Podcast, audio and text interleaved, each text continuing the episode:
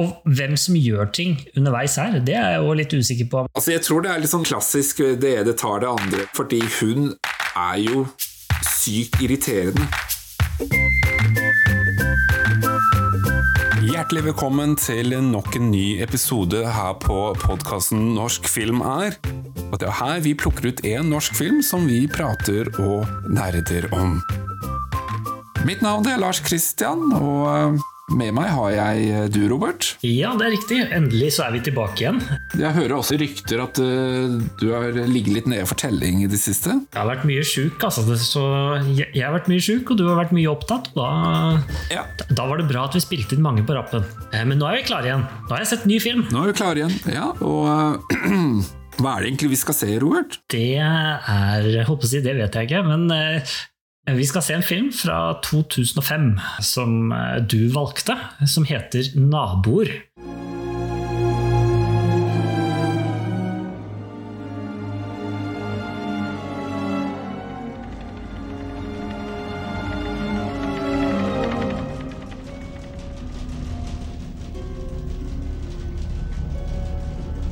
Det er jo en snodig skrue av en film.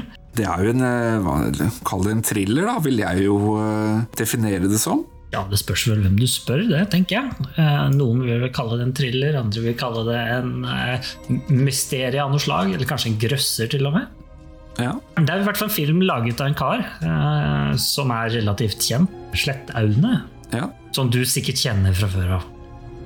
Jeg har i hvert fall uh, sett noen av hans filmer tidligere. Han har jo annet laga Budbringeren. Mhm. Han har laga en serie som heter 22. juli. Så han har vært ganske driftig sånn sett, både innenfor manus og produsentrollen, og som regissør. Tilhører vel denne 4,5 produksjonsselskapet, eller hva det er for noe rart, Stemmer. eh, som, som står bak denne filmen, da. Har du sett den her før? Jeg mener at sist så sa jeg at jeg aldri har sett denne filmen før. Etter å ha sett den, eh, så eh, har jeg sett deler av den før. Det sier du hver gang.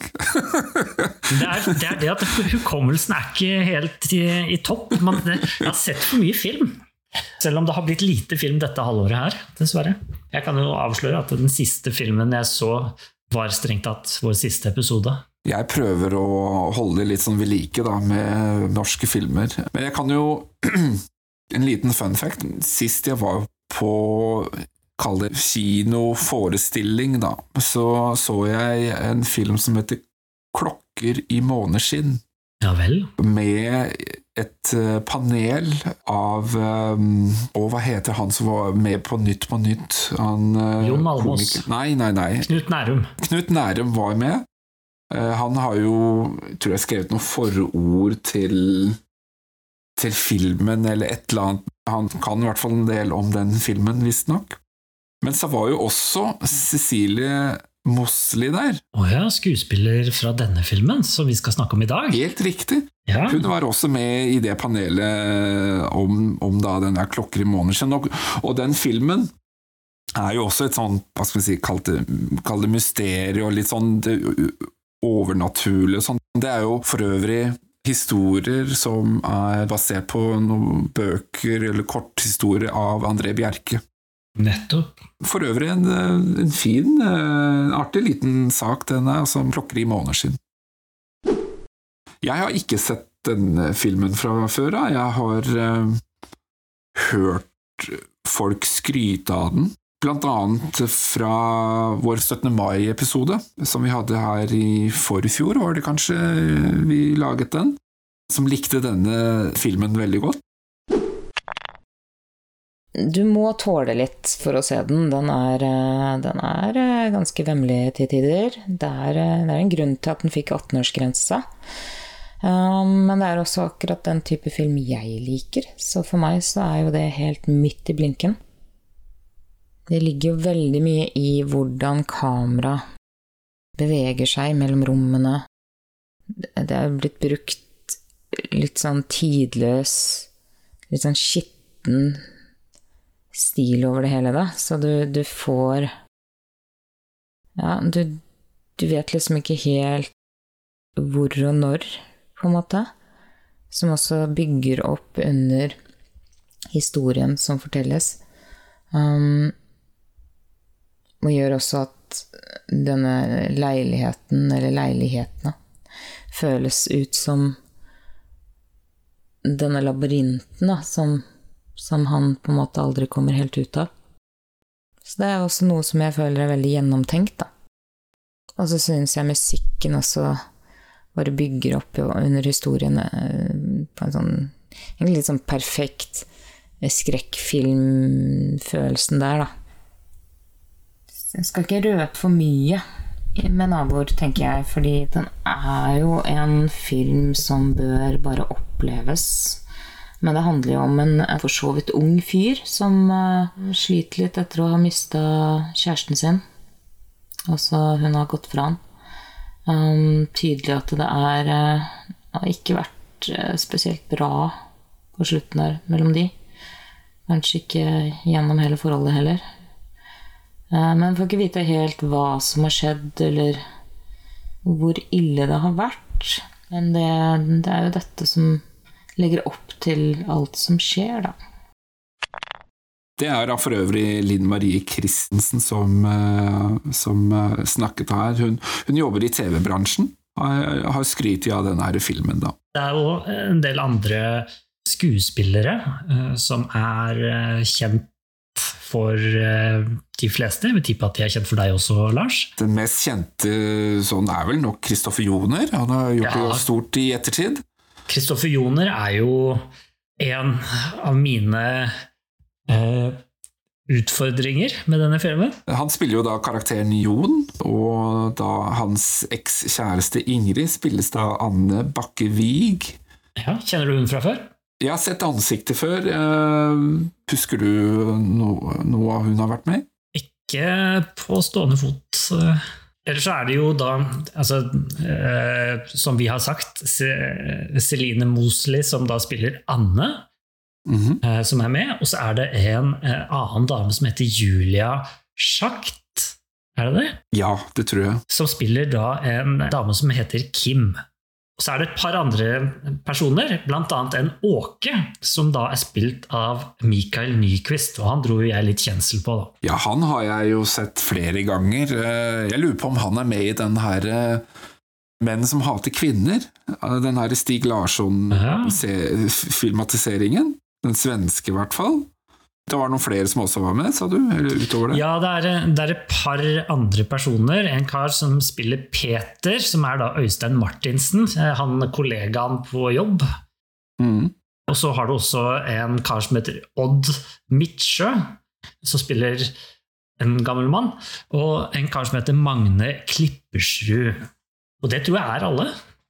Ja, Cecilie Mosley, som, er, som, som, spiller Anne, vi kan jo for øvrig si at hun er jo også regissør og har jo vært med å lage en rekke TV-serier, Mammon f.eks., og så har hun laga Tre nøtter til Askepott, en nyinnspilling. Så hun har jo gjort det stort litt på flere områder også. Vet du hvem som har laget musikken eh, i denne filmen, eh, Lars? Ja, det var han jeg skulle prøve å trekke fram, skjønner du. Ja. Simon Boswell. Ja, Kjenner du han fra før?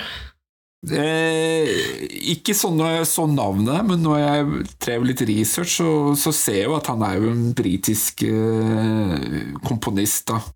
Laget musikk til masse filmer. Jeg tror han har 100 cirka oppføringer.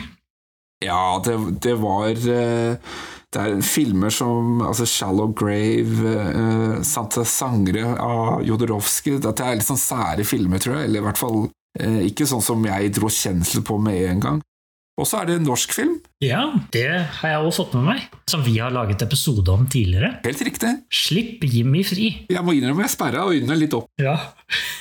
så det var litt artig. Når jeg, når jeg, tenker på det, så husker jeg ikke så mye av musikken i Slipp Jimmy fri. det var jo en uggen stemning i den filmen også, og det kan jo være at det er, en, er noe han er god på. ja, det kan godt hende. For øvrig så fikk jo denne filmen, altså Naboer, 18-årsgrense eh, på kino. Mm. Altså Den gang var det 17 år siden forrige film på kino hadde 18-årsgrense. Da var det Hotell St. Pauli som hadde fått 18-årsgrense. Det var en ganske røff film å se på kino den gangen. Du tar ikke med deg mora di og ser på denne her? Nei, jeg tror ikke mora mi har hørt om denne filmen engang. du nevnte dette at det var 18 års aldersgrense på den, men uh, den ble jo godt likt uh, av kritikere i Norge. VG for eksempel uh, ga den terningkast 6. Dagbladet 5 og Dagsavisen 5 og Filmfront 5, NRK 5. Det er masse femmere her, og det er par sekstere, og generelt ikke dårlige karakterer i det hele tatt. Men denne ble også lansert i Danmark. Og i Danmark så var det Jyllandsposten som skrev en anmeldelse knyttet til da denne filmen. Og i Danmark eh, ble den gitt ut under navnet Next Door, som da er det engelske navnet på filmen. Og den blir slakta side opp og side ned. Ja, såpass, ja. ja og den får terningkast én, eller én stjerne. Ja, det, det, det, er eh, ikke noe positivt å ta fram på bakgrunn av dette her. Altså det, den, mener, mener, rett og slett at dette her er et makkverk av en film, og at den er et makkverk i forhold til hva den forsøker å snakke om. Og en av de tingene den sier, f.eks. I, i andre avsnitt av denne anmeldelsen da, fra Jyllandsposten, Filmen har sterke seksuelle undertoner, opplyser pressematerialet. Det er løgn. Den er totalt tonedøv, selv for seksualitetens musikalitet og dens over- og undertoner, og underlegningsmusikken er, er en skinnende bragd og splatterstemning. Og han snakker om at kanskje er denne filmen en drøm, kanskje er den en fantasi. Det foregår i hvert fall på lerretet og eh, her er det avtegnet en per pervers drøm og fantasiens primitive fabuleringer om sadomasochisme, og den er rett og slett uoppfinnsom. Og han sier også helt til slutt at pinligste røper regissøren sin fatale mangel på kunstnerisk og menneskelige lødelighet ved at den forvandler kinoen til en, til en skitten pornobule. Det var sterke ord. Det er rett og slett ikke noe bra her. Så her, eh, her er folk uenige. Noen mener at dette er en strålende film, sågar den beste, kanskje. Og noen mener at dette her er rett og slett er scum of the earth, altså. Men de virka jo ganske positive i, Norge, da? Kanskje vi er mer glad i vold og, og sex sammen i Norge? Ja, jeg vet ikke, jeg syns man er glad i det i Danmark òg, ja, men eh, jeg, har ikke, jeg, har ikke, vært så mye i Danmark, jeg. det er jo uh, sånn det er. Det er jo ikke bare Jyllandsposten. Eh, BT i Danmark, terningkast 3. Ekstrablad, terningkast 3. Politikken, terningkast 4. Berlinske, terningkast 3. Så Danmark eh, ja, Det var litt mer midt på Men dette er jo klart, dette er jo litt annerledes film i Det var ikke så mange like filmer som denne i 2005. Du kan jo ikke garantere at dette ble en kassasuksess, liksom. Du, hvem er du egentlig? Jeg går med posten din. Roy kan masse. Hva da, for eksempel? Roy, ikke sant? Roy, ja. Typisk han å miste klokka si til å gå. Ikke som prøvde å rappe postveska mi. Joy! Er du der? Vi har jo fått post, vi. Ja, selvfølgelig. Eh, vi får post hele tiden. Her så er det bl.a. en på Facebook som har kommentert i forhold til Max Manus-episoden som vi hadde her for eh, en stund tilbake. Han heter Ole Marius Bergersen, og han sier at han ikke ser filmer med den skuespilleren der, og jeg tipper at han eh, viser til Aksel Hennie. Ja. Og for så vidt så støtter han jo litt mitt utsagn fra underveis i filmen. Men nå skal det sies at Aksel Hennie gjør en god rolle i Max Manus. da. Det er flere som uh, har kommentert på Max Manus på, på Facebook. Der er det blant annet av Matsuhama disse håpløse terroristaksjonene setter sivile liv i fare om vi ikke stopper de nå. Kan den teksten utenat enda. Så her er det tydeligvis en som har sett eh, Max Manus titt og ofte. Ja, og til og med klarer å huske et sitat fra filmen. Det er ikke så dårlig. Ikke sant? Ja. Og det er en til som ser den ofte, Thomas Mikkelsen. Den ses i mai hvert år. Det er jo en passende måned å, å se en sånn film på, er det Ja ikke du, det? ja, du ser den vel 8. mai, da, under frigjøringsdagen, tenker jeg. På Ja, frigjøringsdagen, ja. Det er jo andre som har kommentert på vår eh, Døden på Oslo S-episode. Her er det da Anite, kanskje det er Anita, jeg vet ikke, Petrine. Har planer om å se opp igjen denne etter hvert. En veldig bra film. Digger den kleine norske skuespillerstemningen. Og så er det sånn smilefjes. Ja, ler så den griner. Jeg er for så vidt litt enig i det der. Artig, den filmen. Eh, Det er jo flere som har sett Døden på Oslo S. Eh, En dame som heter Anne Lise Erga. Hun sa ja, de husker jeg altså filmene, men hva filmene handler om, det husker jeg ikke. Så kanskje vi- vi må anbefale Annelise å se den på nytt. Monica Ress skriver følgende Monica 13 år synes den var terningkast 6. Vi så den på kino med skolen, og mens alle andre siktet på Pelle, så synes jeg, som alltid har hatt sær smak, at Filla var kjekkest. Filla var det han som eh, Ja, Filla var jo han som var litt fille der ute på sida, som drev med litt sånn der uggenskap. Ja, men var det han som stjal de, de pengene ja, riktig, riktig, Ja, ikke sant, fra Pelle. Så er det en en person som jeg tenker heter Anette, Anette F, som da sier 'Jeg har sminket en av de flere ganger'. Oi, du verden. hvem kan det være? Det lurer vi litt på. Hvem kan det være? Vi har jo også fått litt celebet tilbakemelding. Ja, fordi jeg tok kontakt, jeg. Selveste Pelle. Jeg tok kontakt med Pelle og spurte. Pelle ble jo spilt av Håvard Bakke. Om han hadde et spesielt minne fra innspillingen av Døden på Oslo S. Hva var det han svarte for noe, Lars? Han skriver følgende Oi, det er vanskelig å si. Sju uker med enorme opplevelser, kulerunde øyne. Men vi syntes det var utrolig stas å få jobbe med voksne, profesjonelle folk, og bli sett, hørt, respektert i den settingen. Vi fikk være med på et eventyr, men vi tok oss aldri med i beregning at det skulle bli en suksess, for norsk film ble jo meget sjelden på den tiden. Gikk ok, da. Tenk åssen det må ha vært å spille med Bjørn Sundquist og gjengen, ikke sant? ja, det var ikke HV Bakke som fikk gjennomgå uh, gjennom scenen Ja. også. Fra, Ja, vi fortalte vel litt grann om det. ja. ja, så stikk tilbake og hør på den episoden. En Knall episode. Men du, Robert, hvor eh, så du den eh, filmen? Jeg gikk til det fysiske mediet og eh, dro på Deichmanske bibliotek i Oslo og lånte filmen på DVD. Der har de mange filmer på DVD som kan lånes. Det er veldig lurt. Hva gjorde du? Jeg så den også på DVD. Gikk du i din egen filmhylle, da, kanskje? Ja. For øvrig så kan man, for de som ikke har DVD eller Blu-ray som den også finnes på, så er det da ifølge Filmwebs streamingguide, så finnes den da på strømmetjenester, Alente, Blockbuster, iTunes og Vega hjemmekino er det faktisk noe som heter, og YouTube. Jeg er litt redd for at det, hender at Filmweb sin streamingguide ikke er helt oppdatert alltid. Ja, det, det stemmer det, fordi den påstår også at NRK har den liggende, men det er ikke den filmen eh, du får se, det er eh, en åtte minutters kortfilm, reportasjeaktig greie som heter Naboer.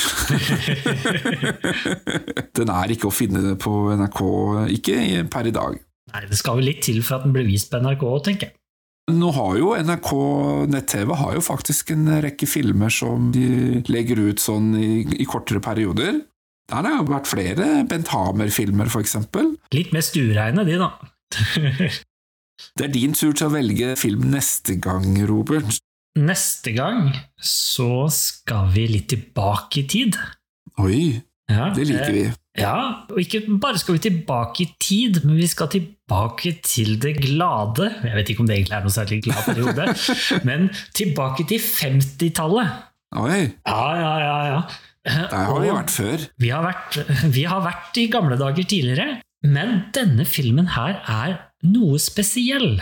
Og den har litt, hva skal vi si, fransk nybølge ved seg, kanskje. Og Eh, Og det er personer som mener at dette kanskje er den viktigste filmen i norsk filmhistorie. Det er vel hint nok. har det noe med fugler og duer å gjøre? Det Sånn i gås, kan, gåseøyne? det kan godt være at det er noe med det å gjøre, altså. Ja. Ja, men da har jeg eh, kanskje et forslag, men jeg skal ikke avsløre, jeg heller. Det er bra.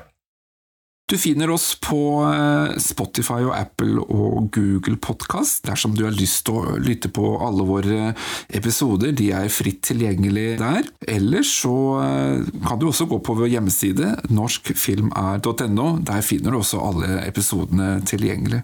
Hvis du liker det du har hørt til nå, eller kanskje du er helt riv røskende uenig med meg eller Lars, da kan du gå inn på Facebook, eh, der er vi, eller på Instagram, og send oss en melding. Det tar vi imot. Og så er det sånn at eh, Lars her er også veldig flink til å legge ut litt eh, et notat med en liste på alle filmene som vi snakker om i løpet av episoden.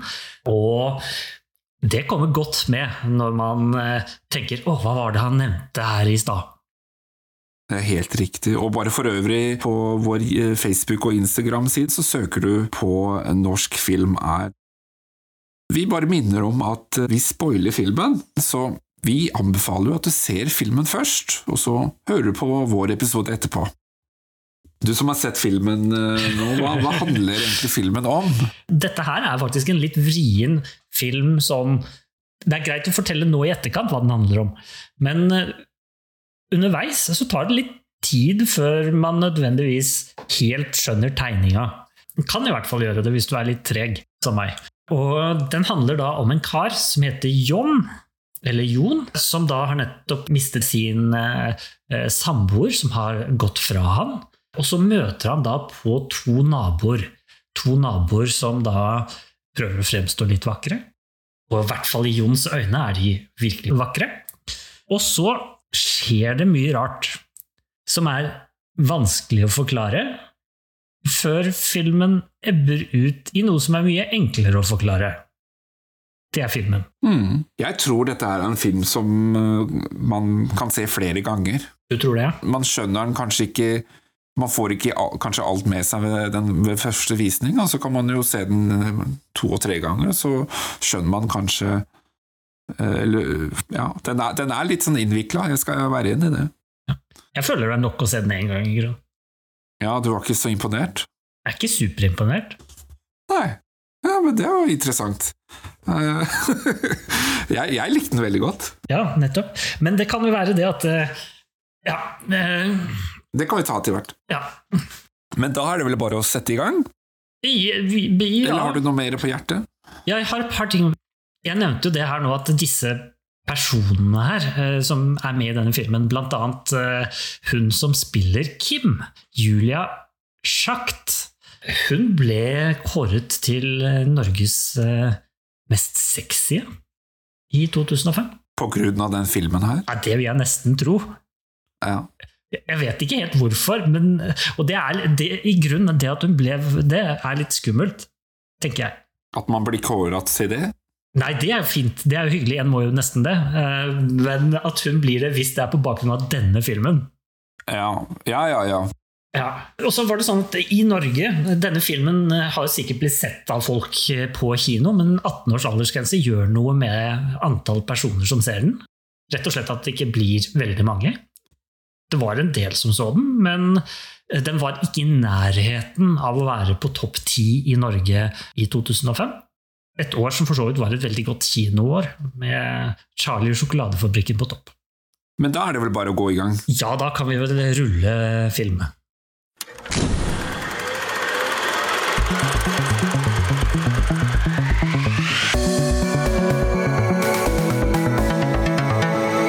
Ja, hva skal vi si om åpningen her?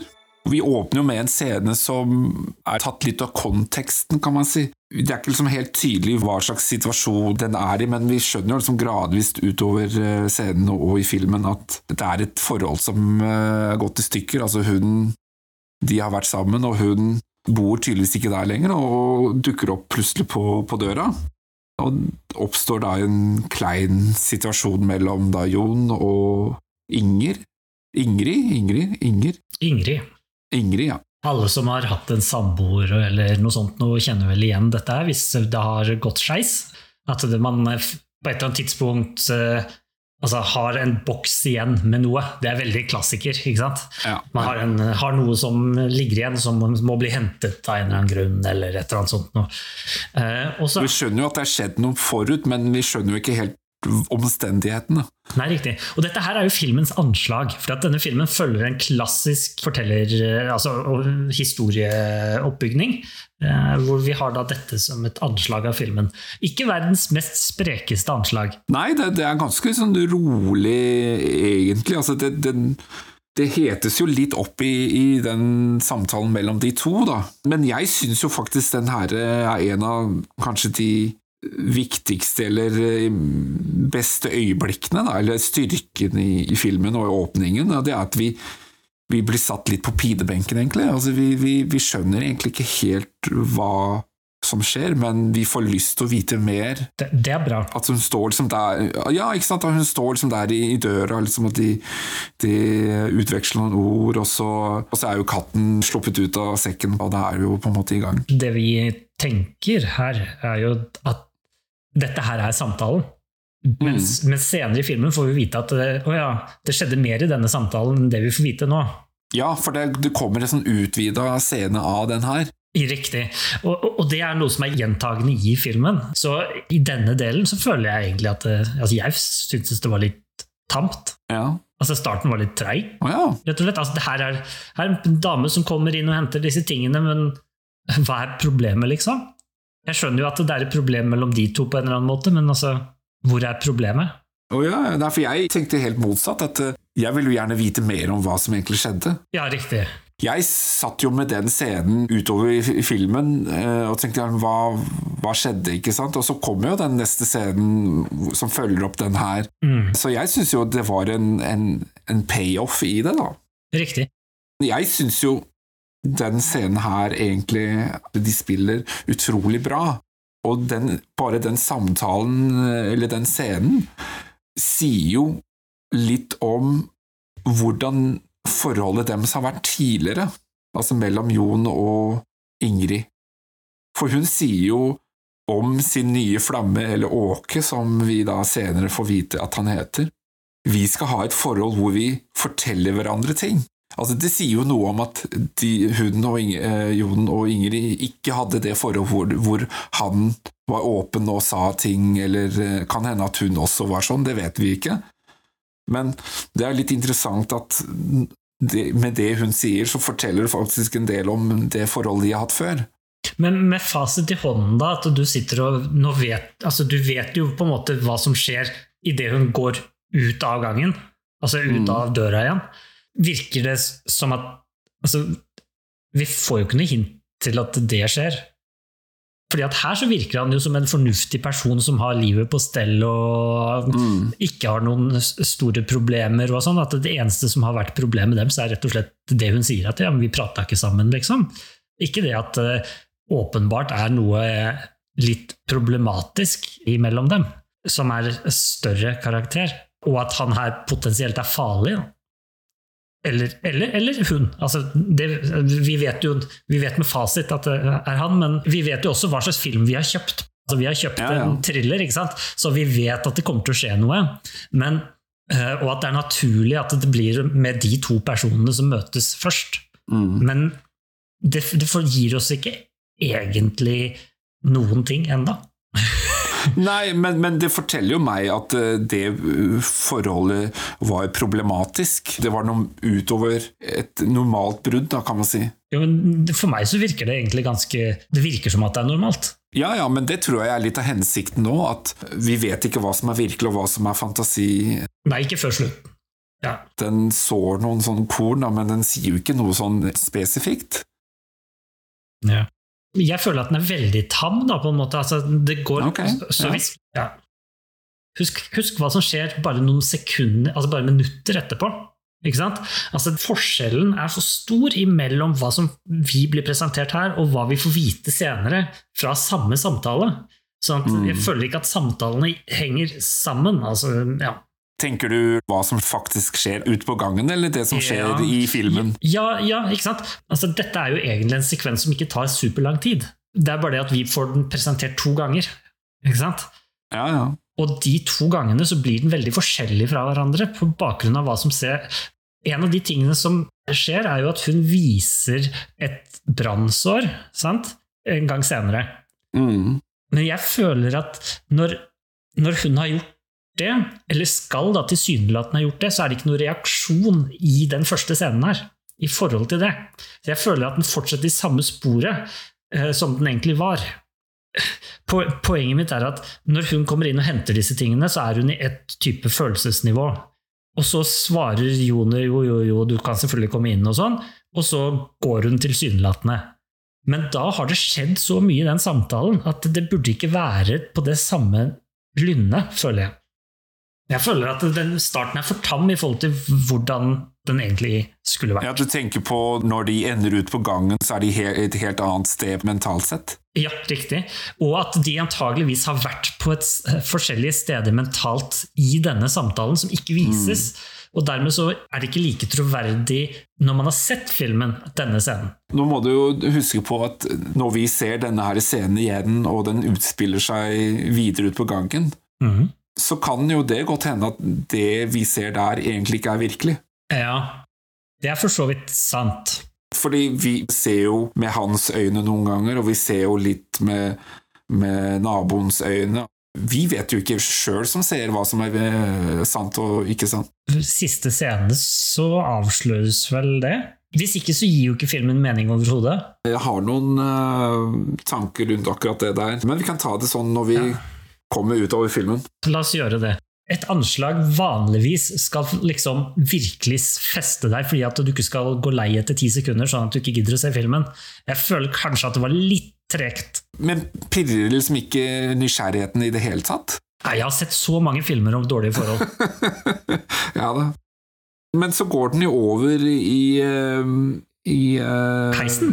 Men det er vel en slags sånn der, eh, en sånn sekvens imellom som viser uh, tittelen på filmen, men bare sånn veldig kort. Akkurat når det gjelder musikken der, den minte meg altså, Jeg fikk jo litt sånn tanke på Dødens kjern og sånn. Ja, ja nei, det, det, jeg synes det passa bra. Ja da. Den setter jo hva skal vi si eh, forventningene i gang, da. Men jeg, jeg har et annet spørsmål. Den leiligheten vi nå ser at de to er inne på helt i starten der, Ja. Det er åpenbart Jons leilighet. Ja. Når vi nå kommer til den der hvor musikken er som du tenkte på, og de navnene kommer opp, og der det står naboer og sånn, Mm. hvor er det? Jeg tenker at det var hos naboen.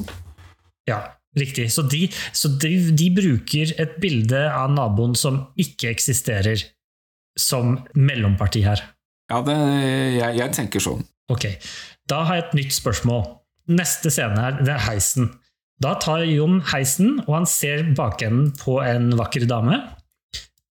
Men han ser òg bakenden på en ikke fullt så vakker gammel mann. Ja.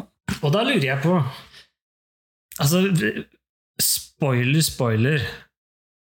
Naboen eksisterer ikke, egentlig. Du tenker at, at, at naboen er en fiktiv eh, karakter i hans hode, ikke sant? Ja, korrekt. Hvem er da den andre personen i denne heisen? Er den òg fiktiv? Jeg tenkte faktisk akkurat på det der. Ja, det kan være en fiktiv person som han forestiller, men jeg, jeg tenkte jo at dette her kunne være sånn han møtte Ingrid. Ja, for eksempel. Altså, Og at han møtte henne i heisen? og at han gjenlever det Hva skal jeg si, de gode øyeblikk. Og så blander han kanskje det, eller oppdikter en historie hvor han møter en person altså Han gjenskaper den samme historien, Ja. og så er det naboen. ja. Ja, jeg tror han har vært sammen med Ingrid, og at alle de tingene som på en måte blir referert, er Ingrid. Fordi at eh, Dette her er litt det jeg tenker på. fordi at Noen ganger så filmes det jo åpenbart fra Jons synsvinkel. Når de går inn i heisen, så er det jo hun damen, som da er en, en nabo, da, eh, i hvert fall tilsynelatende, eh, og den mannen. Mannen går av en etasje før. Mm. Normalt sett så tenker jo jeg det at han er en ekte person som bor i etasjen under, mens hun er en oppdiktet person som ikke bor i hans etasje. Fordi det bor ingen andre i hans etasje. Det finnes én person i hans etasje, og det er han selv. Men hvem er det som står i en heis på den måten? Altså, hvem står klin inntil en gammel mann i heisen hvis det bare er han og den gamle mannen inni heisen?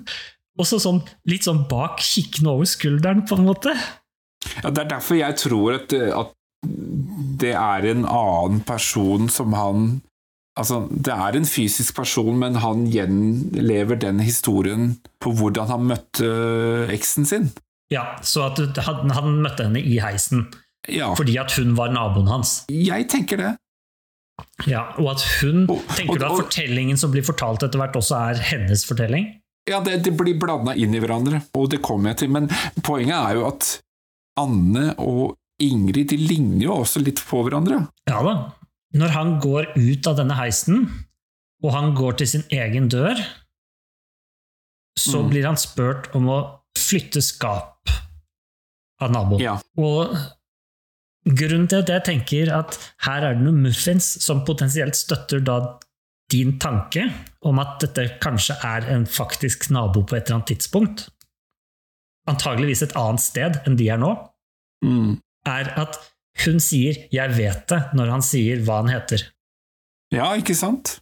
Det er det eneste som får meg til å tenke at her er det noe muffins, at det er, eh, at eh, det er noe greier. Fordi Jo, men Fordi det kan, ellers- det, ja, det kan også være fordi at hun og Kim lytter inn til leiligheten hans fra deres egen leilighet. Så selvfølgelig så vet han, hun jo hva de heter. Ja, ok, greit, jeg skjønner, men, men jeg, Men jeg skjønner poenget ditt. Og hvorfor Det er jo en annen ting. Fordi at han vet ikke hvem hun er. Så hvorfor vet ikke han hvem naboen sin er? Hvis de har bodd ved siden av hverandre så lenge at hun har kunnet sitte og lytte på veggen og finne ut hvem han er. Ja. Jeg satt også litt og tenkte på det der med hvor lenge de har bodd der, fordi seinere så kommer jo hun og banker på døra hans, og så sier hun ja, men naboen før deg var en sånn voldelig mann. Det vil si det, det kan hende at han har flytta dit nylig. Mm, Det er han som har flytta inn nylig og er ny der. ja. Men han, Men i så han, fall, må, han, må, han må jo ha bodd der lenge nok til at uh, eksen hans har bodd der uh, også. Ja, riktig. Og hvis de har lyttet på veggen, så må han jo ha vært der en stund. Ja, ikke sant. Ja, jeg tror at dette foregår i hans hode på dette tidspunktet. Mm. Så jeg tror ikke at det er et menneske der. Jeg, jeg er langt ifra sikker på at, det her, at han i det hele tatt står der han står nå. Ja. Ikke sant? Altså at jeg, han kan like så godt sitte i stolen sin inne og tenke dette her. Det er jo det som gjør det litt vanskelig med den filmen her, fordi vi, vet, vi har jo egentlig ikke noen holdepunkter på hva som egentlig er virkelig, og hva som er oppdiktet. Altså, vi, vi kan jo anta at han faktisk bor der, Ja, men, vi har jo egentlig ikke noe håndfast. nei, men hvis du lager en film, så er det gjerne fordi du ønsker å fortelle en fortelling av noe slag. Ja. Du har et eller annet på hjertet som du ønsker å få fram. Et tema du vil belyse, et eller annet som du prøver å få fram. Det betyr at det ofte er en fasit på det meste. Og det er sjelden at den fasiten er eh, 'dette har jeg ikke tenkt over'. Enten så skal de, altså det skal forestille at denne personen er naboen, eller det skal forestille at denne personen er tidligere samboeren. Altså det, det er tenkt ut, disse, disse mulighetene, ikke sant? Mm. av de som har laget filmen. Så det er verdt en tanke på hvem er Jon, og hvorfor står han der, og hvorfor snakker han til naboen? Hvorfor heter filmen Naboer? Er det fordi det faktisk er naboer der? Og da har jeg en ting som jeg føler er årsaken til at det sier at det ikke er noen der. Når vi på en måte følger Jons fortelling, så er naboer der. Inntil det klikker helt totalt mot slutten. Så skifter perspektivet litt, grann, og at vi følger liksom hans jobbkamerat og sånn, som ser inn på Jon, på en måte, og ser at å ja, nå er det Jon som er gæren, kontra hvordan det har vært tidligere, at vi ser Jons følelse av hvordan verden er. Mens senere får vi se hvordan vanlige mennesker som, er, som har alt på stell, ser for seg verden. Og da er det plutselig ikke noe rom på siden. Det er bare høl i veggen fordi han har slått et høl i veggen. Og det er døde mennesker overalt. Og? Det, det, det lukter dårlig. Altså, det er totale kaos. Så jeg føler at filmen eh, forteller På dette tidspunktet viser oss Jons perspektiv, og Jons perspektiv, da er det naboer. da er det naboer. Om de naboene er andre personer enn hans kone, egentlig, eller om det er kona hans, eller om de er bilder på kona hans, eller om det foregår oppi hodet, eller hva enn det gjør, det er litt sånn irrelevant, egentlig. Mm. Nå så står han og gjenskaper en historie hvor det faktisk inkluderer noen naboer. Hvorfor har han behov for å gjenskape en historie med noen naboer som ikke finnes? Det sitter jeg og lurer litt på. Er det, er det for, er det for å liksom legge skylden over på noe annet enn han selv? Ja, fordi at jeg tror tidslinja her er litt sånn screwed up. Jeg, jeg tror at det, Når han står der nå ved døra og ser disse naboene, så har allerede det vi får se senere, skjedd. Ja, det med at hun henter eh, esken. Helt riktig, det har allerede skjedd. Ja, for den hopper litt sånn fram og tilbake, for vi, vi, ser en scene også hvor han faktisk begynner å pakke sammen de tingene i, i den esken som hun allerede har vært og henta. Ja, ja. Uh, ikke sant? Så den hopper litt fram og tilbake, det er sant. Ja, Men, så- men, men- men, okay. men, men bare for å Altså, jeg tror ikke dette her er en film som man skal tenke skal, skal henge sammen logisk sett. Jeg tror ikke det er det som er Hva forteller den da? jeg tror den forteller eh, at um, det har noe med, med en person som fremstår som et offer, da, Kim eksempel i denne historien her, e- eller også Anne til dels, at det er veldig lett å si at offeret er den uskyldige og overgriperen er den skyldige, mens det er jo ikke det som egentlig vi får se i denne filmen her. Altså, jeg tror det er det historien fokuserer på, at et offer er ikke nødvendigvis bare den uskyldige offer. Og at det er det som blir blanda litt sammen. Uh, ja, det er ikke sånn som vi, vi alltid tror uh, Ting er ikke sånn som vi alltid tror det er, da. Uh, her er det ikke en logikk at eh, Det er ikke det filmen egentlig handler om, om, om hvorvidt det er en leilighet eller ikke. Nei. Jeg tror den filmen her går opp. Ok, det kan godt hende. For, for, ikke sant? Fordi jeg tror at når han står her nå, utenfor døra, og han har nettopp møtt den, denne naboen, så er det noe som bare foregår i hans hode. Ja. Hvor er han da når, når han forestiller alt dette her? Ja, det spiller jo ikke noen rolle. Altså, det foregår oppi hodet, så det spiller ikke noen rolle hvor han er. Nei, men jeg tenker, er det, er det før han har drept Ingrid? Er det etter? Nei, dette- han, det er etter. Etterpå, ja. Ja, jeg mener at det, er det jeg mener, at her ved døra her, så, så ligger hun inne. Så alt dette vi ser her nå med naboene, og han fly, ligger og flyr inni der og sånn, det er eh, etter slutten? Mhm. Ja, jeg ser Det Det er etter han har blitt tatt, liksom. Det behøver, nei, for ikke for så vidt det, men altså, det, det er etter slutten, ja. Ja, ja. Eller i hvert fall rett før slutten. Altså, det er i perioden før han ligger i senga på slutten der, på en måte, når han sitter i senga, mm. når han er inni der. Når, når han har møtt kameraten sin på jobb, på en måte. Han, han møter kameraten sin på jobb og er, er slått i ansiktet og sånt fra tidligere. Det er også i fantasien hans, tror jeg. Fordi, eller eller, eller at han husker det fra tidligere. Men han Jo, men sitter fremdeles der inne. kollegaen sier jo at eh, han ser helt, eh, helt forferdelig ut. Ja, riktig, men det har han gjort en eller annen gang, kanskje det er et halvår siden, eller noe sånt. Men mener du at de sårene ikke finnes, eller at han er selvskada? Nei, når han var på Den gangen han var på jobb og kollegaen fant ut av dette, så hadde han faktiske sår fra da Å han ja, fra, fra, fra, en, fra en faktisk hendelse? Ja, med Ja, okay. han og kona eller et eller annet. Med Ingrid, ja. ja. Ja. Jeg tror den er mer logisk enn Jeg tror rett og slett at det, når, når den slutter, så har, har eh, regissøren gitt oss svaret. Jeg tror ikke det skal være noe svar, ja. Men hvorfor gir han oss svaret da på slutten? Jo, men det, han gjør jo ikke det, for vi vet jo ikke om det er riktig. Vi vet ikke om det er virkelig. Jo, men det er jo annerledes. Altså, det, Ja, vi ser at han dreper Ingrid, men vet, vet altså, det er, vet jeg er, det, er det en virkelig virkelighet? riktig. Det, det skjønner jeg også at det kan være et problem om det er virkelig virkelighet. Eh, Fordi det kan potensielt slå litt sånn Det kan være altså Om det er Det kan like Hva gjerne være at det er Ingrid som er den fiktive karakteren her. Nei. Det, fordi at det er noe gærent med den leiligheten til naboen òg. Hva tenker du på? Fordi at den leiligheten virker som tanker. For den gir ikke mening. Det er ikke noe layout som gir mening. På en måte, altså, den, den, det er et rom som fører til et annet rom, som egentlig, og plutselig er du her, og så er du der. og sånt. Så Det, det er litt sånn tankene funker. Det er litt flyktig. Og så plutselig er han hos seg selv igjen, og så Ikke sant? Ikke sant? Ja, ja. Og, så, og så føler jeg liksom at på et tidspunkt så er det én død dame, på et annet tidspunkt så er det en annen død dame, altså konen, eller kjæresten hans. da, ikke sant? Mm. Og det er grunnen til at jeg tror at kanskje den kjærestebiten er en avsløring av at eh, på et eller annet tidspunkt har han tatt livet av sin eh, kjæreste.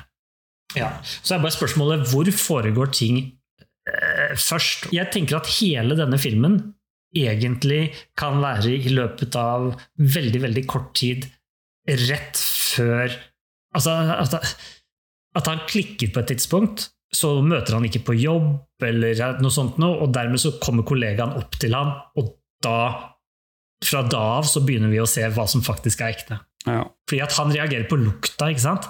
Han gjør det fordi at det er et lik der inne, eller flere lik der inne, ikke sant? Interessant. Vi går videre. Jeg har noen notater på det litt lenger ned, så det, vi kommer litt tilbake igjen til det. Ja, Men, det eh, men, eh, men ja, Anne Han Han, sier jeg. Eh, Anne Lurer han inn. prøver jo å få Lure han inn i leiligheten, rett og slett.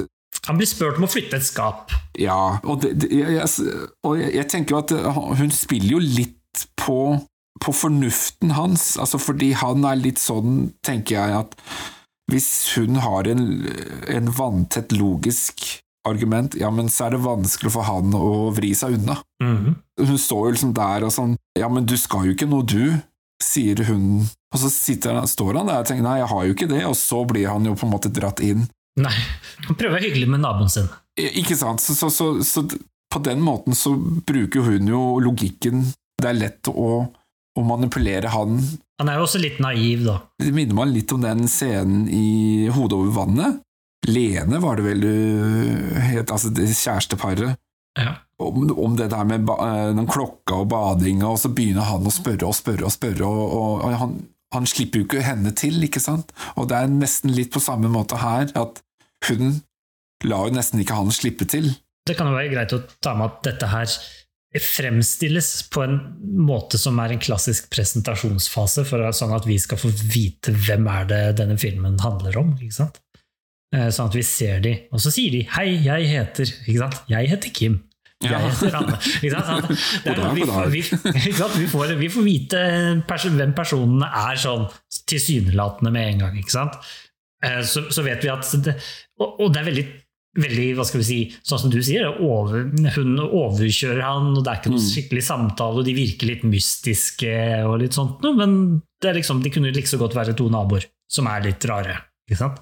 Hun sier vel også på et tidspunkt at uh, de er redd for innbrudd og overfall og sånn, og det er derfor de har den derre uh, Ja. skapet foran døra. Ja. Når han kommer inn av døra, så ser han jo også inn i noen siderom hvor det er masse matvarer og ting og tang som er stabla opp. Altså, de hamstrer jo. Det er jo liksom med på å bygge opp den der narrative historien til eh, naboen. Og det ser jo han, og så han begynner jo å tro på det. Men igjen, altså hvis alt dette er fiktivt, da, så er det jo noe han står og faktisk dikter opp, da. Ja, ja. men det, det kan jo være at det er, det er eh, selv om det, det altså, Kanskje det er hans måte å hva skal vi si, rettferdiggjøre det hun sier, da. I en liten periode, når de nevnte dette med at naboen var en overgriper, så tenkte jeg at det var han som Det var han. Ja, som det tenkte jeg også. Overgriperen på det tidspunktet.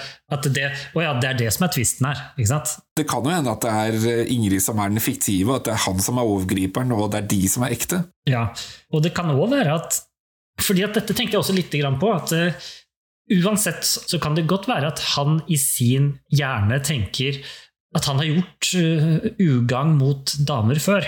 Altså Ja. Det er jo ikke helt unaturlig å tenke det. Filmen legger jo litt opp til at han, han har en tendens til å være voldelig, da. Ikke sant? At han har gjort det. Så det kan godt være at dette faktisk er personer som han på et eller annet tidspunkt i sitt liv har hatt som naboer og gjort overgrep over. At Kim er en person han har gjennomført et oh, ja, du tenker på at dette her er kanskje for lenge siden? Ja, ja, at det er tre år siden. Fem år siden. At det er ansikter han husker, ja? Ja. Ja, ja, ja, ja, ja, for jeg, tenk, jeg tenker jo også at med En annen teori, da, det er jo at La oss si at det er han som er overgriperen, ja. og så forteller hun det. men han har fortrengt det, ikke sant? Men det kan ha vært fem år siden. Men så kan det jo hende at de faktisk liker det. Ja, Kim er jo en person som det ser ut som faktisk likte det narrativet at det kommer en fremmed inn og tar henne. ja, ja. ja, ja, At det er han som er fortrengt det, men de husker det. Og, og, så, og så skal de hevne seg på han. ja. Det er vel faktisk seinere i filmen så sier vel Anne at den historien, eller det der eh, narrativet som Kim snakker om, eller Det var noe hun hadde opplevd i Hellas, eller noe sånt? Ja, Det kan være han har vært på heisatur, han. Det er nok min tanke, men jeg, jeg er fremdeles på det at dette foregår nå i, som en recap i hans hjerne, Ja. mens han sitter inne hos seg selv, eh, og, og kjæresten ligger død. Ja, ja jeg, jeg liker mer og mer den teorien, faktisk. Ja. Jeg tror kanskje at tvisten her med at de er naboer At de, han har egentlig bodd på to forskjellige steder, eller noe. At det er gangen som er forskjellig. Jeg tenker jo at hvis dette her har pågått i mange år, da, at han stadig vekk gjenforteller seg selv en, et narrativ, så kan den historien endre seg litt sånn for hver gang historien blir gjenskapt. Og dette her er kanskje femte gangen han gjenforteller den historien for seg sjøl, men den er litt annerledes enn det den forrige. Skjønner du hva jeg mener? Ja, ja. Jeg tenkte litt grann på at dette her muligens var prostituerte også. Jeg tenkte det når han møtte henne i gangen. Hun hadde jo fillete klær og Ja. Senere så ser vi jo at eh, det er en mann i leiligheten. Åke. Åke, ja. Og at hun, Anne, også har et eller annet sånn form for forhold i en sofa. Og det, jeg ser for meg at det er litt sånn der, det er der de, tar, de prostituerte har tatt med seg kundene sine. Jeg tenkte jo også at det kanskje var han som var den overgriperen. Åke? Ja, I og med at de snakker om en Det som tenkte jeg òg. mm, Men jeg tenkte at det var litt åpenbart. Og så var det en litt sånn morsom ting som slo meg. Du nevnte dette med Hellas, sant? Ja. Hvis han f.eks. har vært på sånn partytur, han er eh, Jon, da, ikke sant? så kan det jo være at han rett og slett har møtt Åke som partysvenske nede på, Kreta, nede på Kreta eller noe sånt, nå, og de har møtt disse to damene her på et eller annet lugubert sted. Og har gjennomført voldelige seksuelle ting med dem. Sånn eh, parallelt, uten at de egentlig vet det om hverandre. Og at de, de senere igjen møtes, og når han da ser at Åke er sammen med ja, så, så klikker det enda mer. Da skjønner han egentlig ja, ja, men hvorfor vil du ha denne dritten når jeg var en like stor dritt, på en måte. Ja. Hvorfor, hvor, skulle du ikke ha noe bedre, liksom? Altså, det er ikke noe bedre enn meg, på noen måte. Vi er like, vi. Du bare vet ikke ennå. Hvorfor står de der? Har ikke du det sånn? Nei. Da er vel folk litt forskjellige, da. Har du noe imot det? Nei, nei, klart. Nei. Det er det skapet som skal flyttes. Og det skal dit.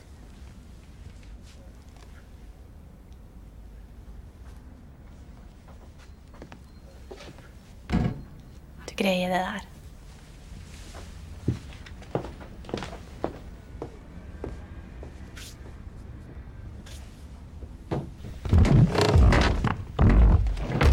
Du må være sterk som greier å flytte den der.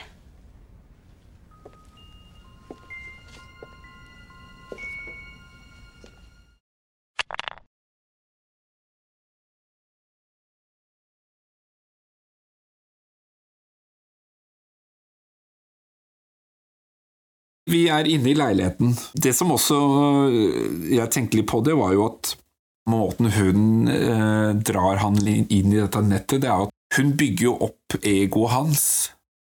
Og, så sier hun liksom Ja, men du greier jo dette her, du, ikke sant? Altså, sånn, altså Bygger liksom litt opp egoet hans på at ja, men du er så flink, og du er så stor og sterk og sånn. Altså, Ja da, manipulerer. hun manipulerer skikkelig, ikke sant? Og det er jo litt, sier jo kanskje litt om personligheten hans.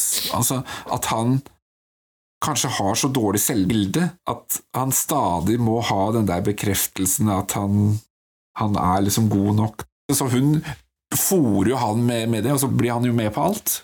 Kan ikke dette her også egentlig bare være at han han nå sitter og gjenforteller dette for seg selv og på en måte verifiserer hvorfor det var riktig alt han gjorde. Han prøvde jo å komme seg unna, han prøvde jo å la være, han prøvde jo å hele tiden si nei.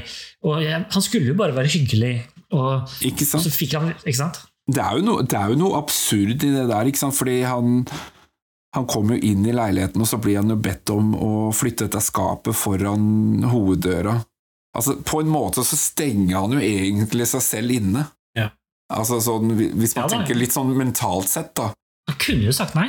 Han kunne jo sagt nei, men han velvillig setter en, et skap foran døra som er eneste utvei, ikke sant? Altså, han, han vil jo inn i det der nettet. Han takker ja til å drikke det glasset med vin.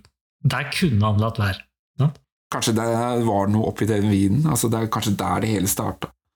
Eh, Nei, det tror jeg ikke noe på. Nei, nei, jeg tror ikke men, men dette har tatt 11,5 minutt av filmen. Altså den, fram, den introbiten her.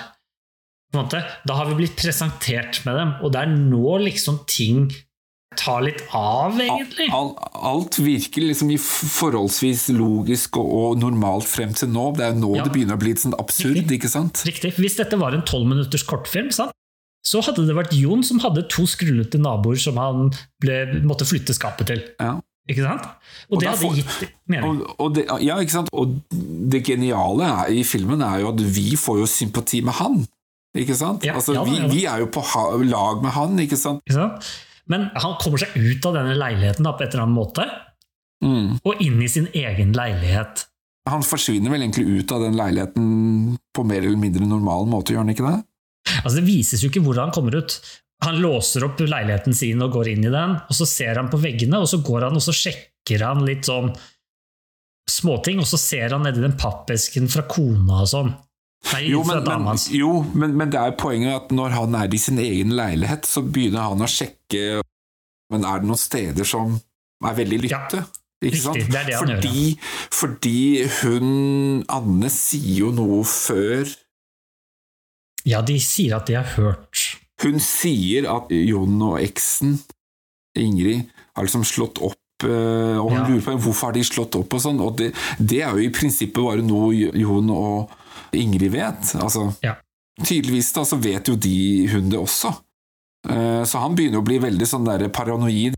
Er det dårlig lydisolert her og sånn? Ja, riktig. Og, også, og så og ser- som du sier, da, så begynner han å se på den esken og samle seg ting og sånn. Er det det, eller, eller er det et ja, flashback? Riktig. Ja, den, den, han ser på den, og når han gjør det, så tenker han tilbake på hvor, på hvor bra han egentlig hadde det med kona, da, eller dama. Mm. med, med, med, med Ingrid. Ikke sant? Og Ja. Ingrid ser jo riktig så sexy ut på det tidspunktet. ikke sant? Ja, for der er det bilde av Ingrid. Ja, Og så er det en truse der eller noe. Og det er jo den esken hun kommer og henter seinere, som vi ser i starten av filmen. Riktig, Som hun da egentlig skulle ha henta på dette tidspunktet. Hvis det hadde vært en lineær fortelling, noe det ikke er.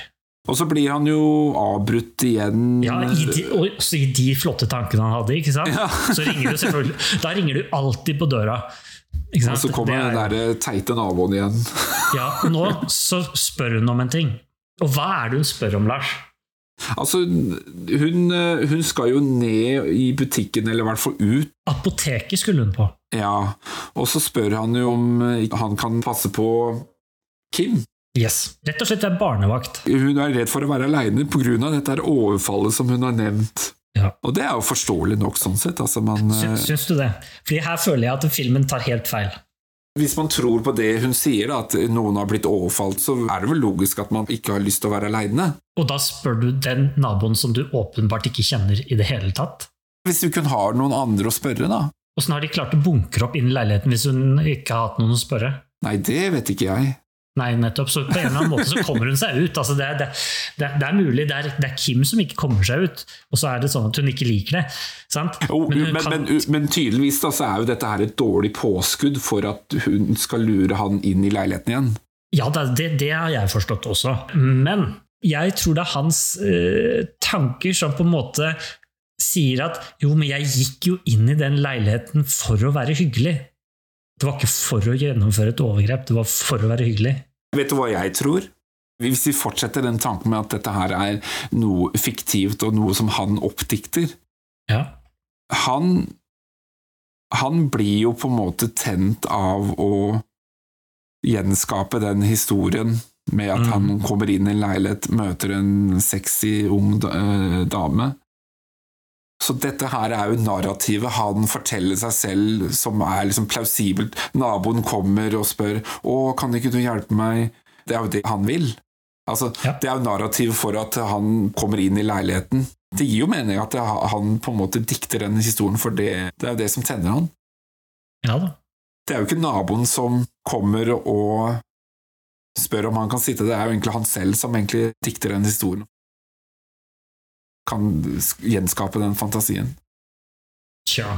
Ja, for det gir jo, altså som du sier, det er jo egentlig litt Det gir jo ikke meninga at hun skal spørre han. Nei, egentlig ikke. Det, du har jo egentlig rett i det, fordi ja, de har jo masse mat der, og hun har jo tydeligvis vært ute før. Hun kommer jo opp med, med heisen sammen med, med Jon.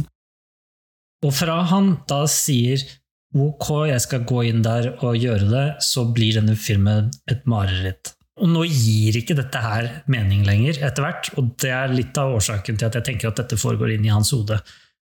Ja, han kommer inn i den leiligheten, og så blir det jo nærmest som en labyrint, ikke sant, fordi Riktig. hun, Kim da, hun øh, Gjemmer seg. Og så føler han etter, og så er liksom ikke Altså, det er en svær leilighet. Det er jo, den, Det er det som er den er jo større enn det som øh, man føler at den er på utsiden.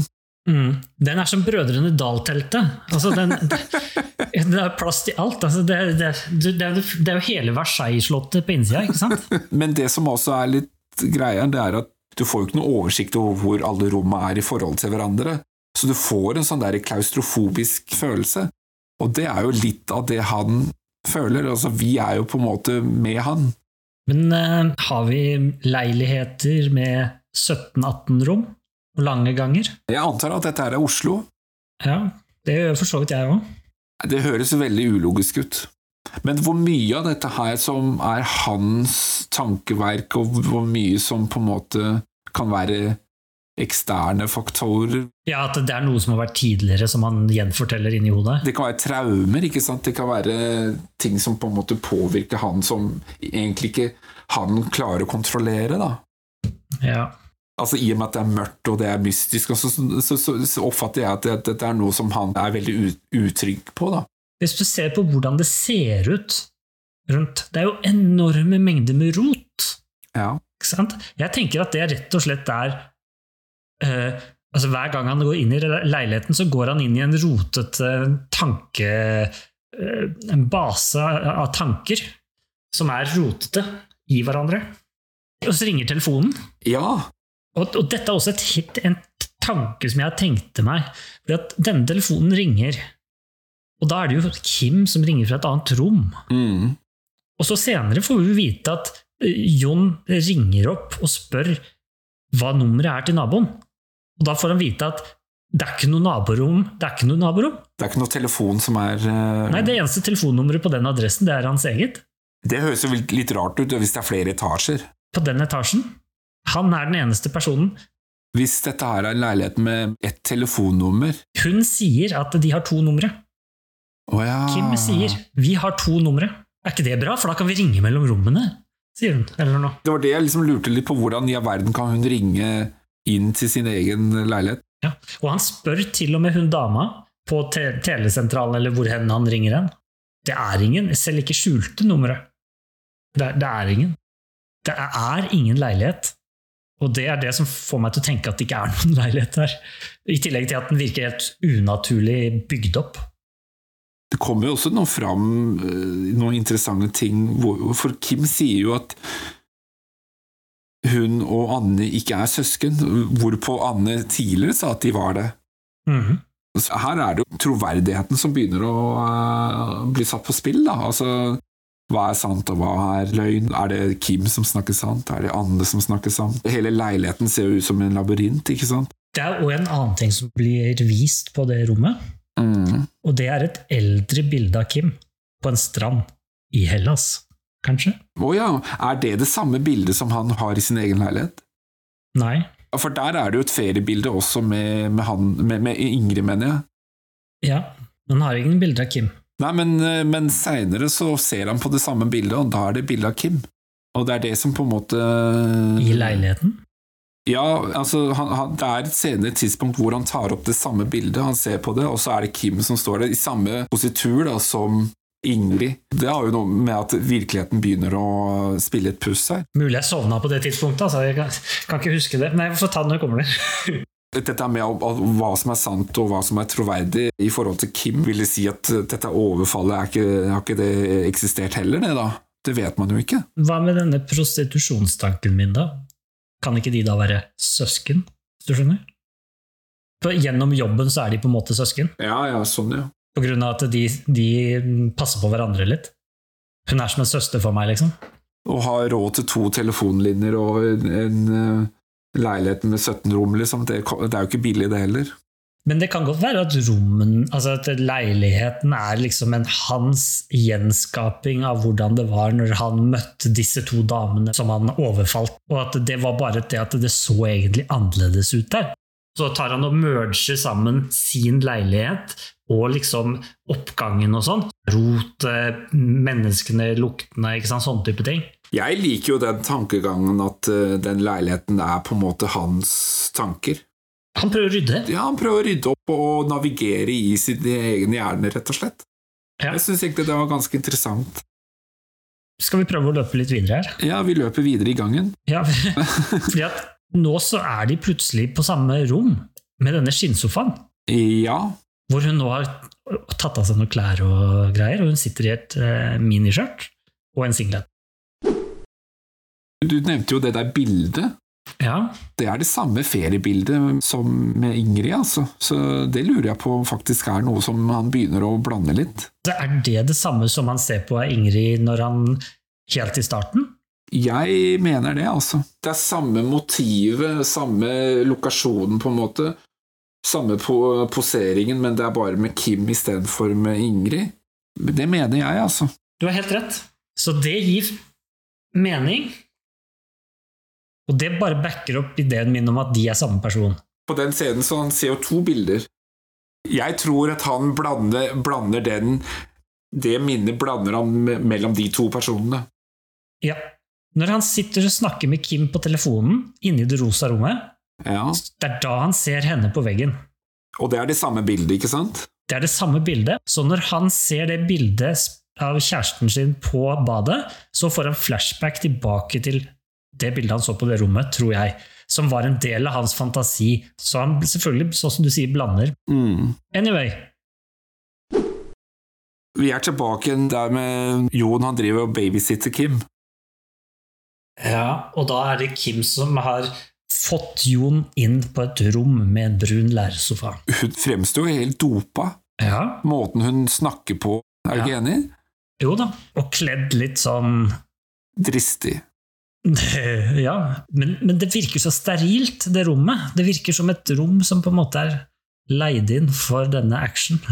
Ja, det, det kan jeg være enig i, at det, men igjen, det kan være fantasien hans.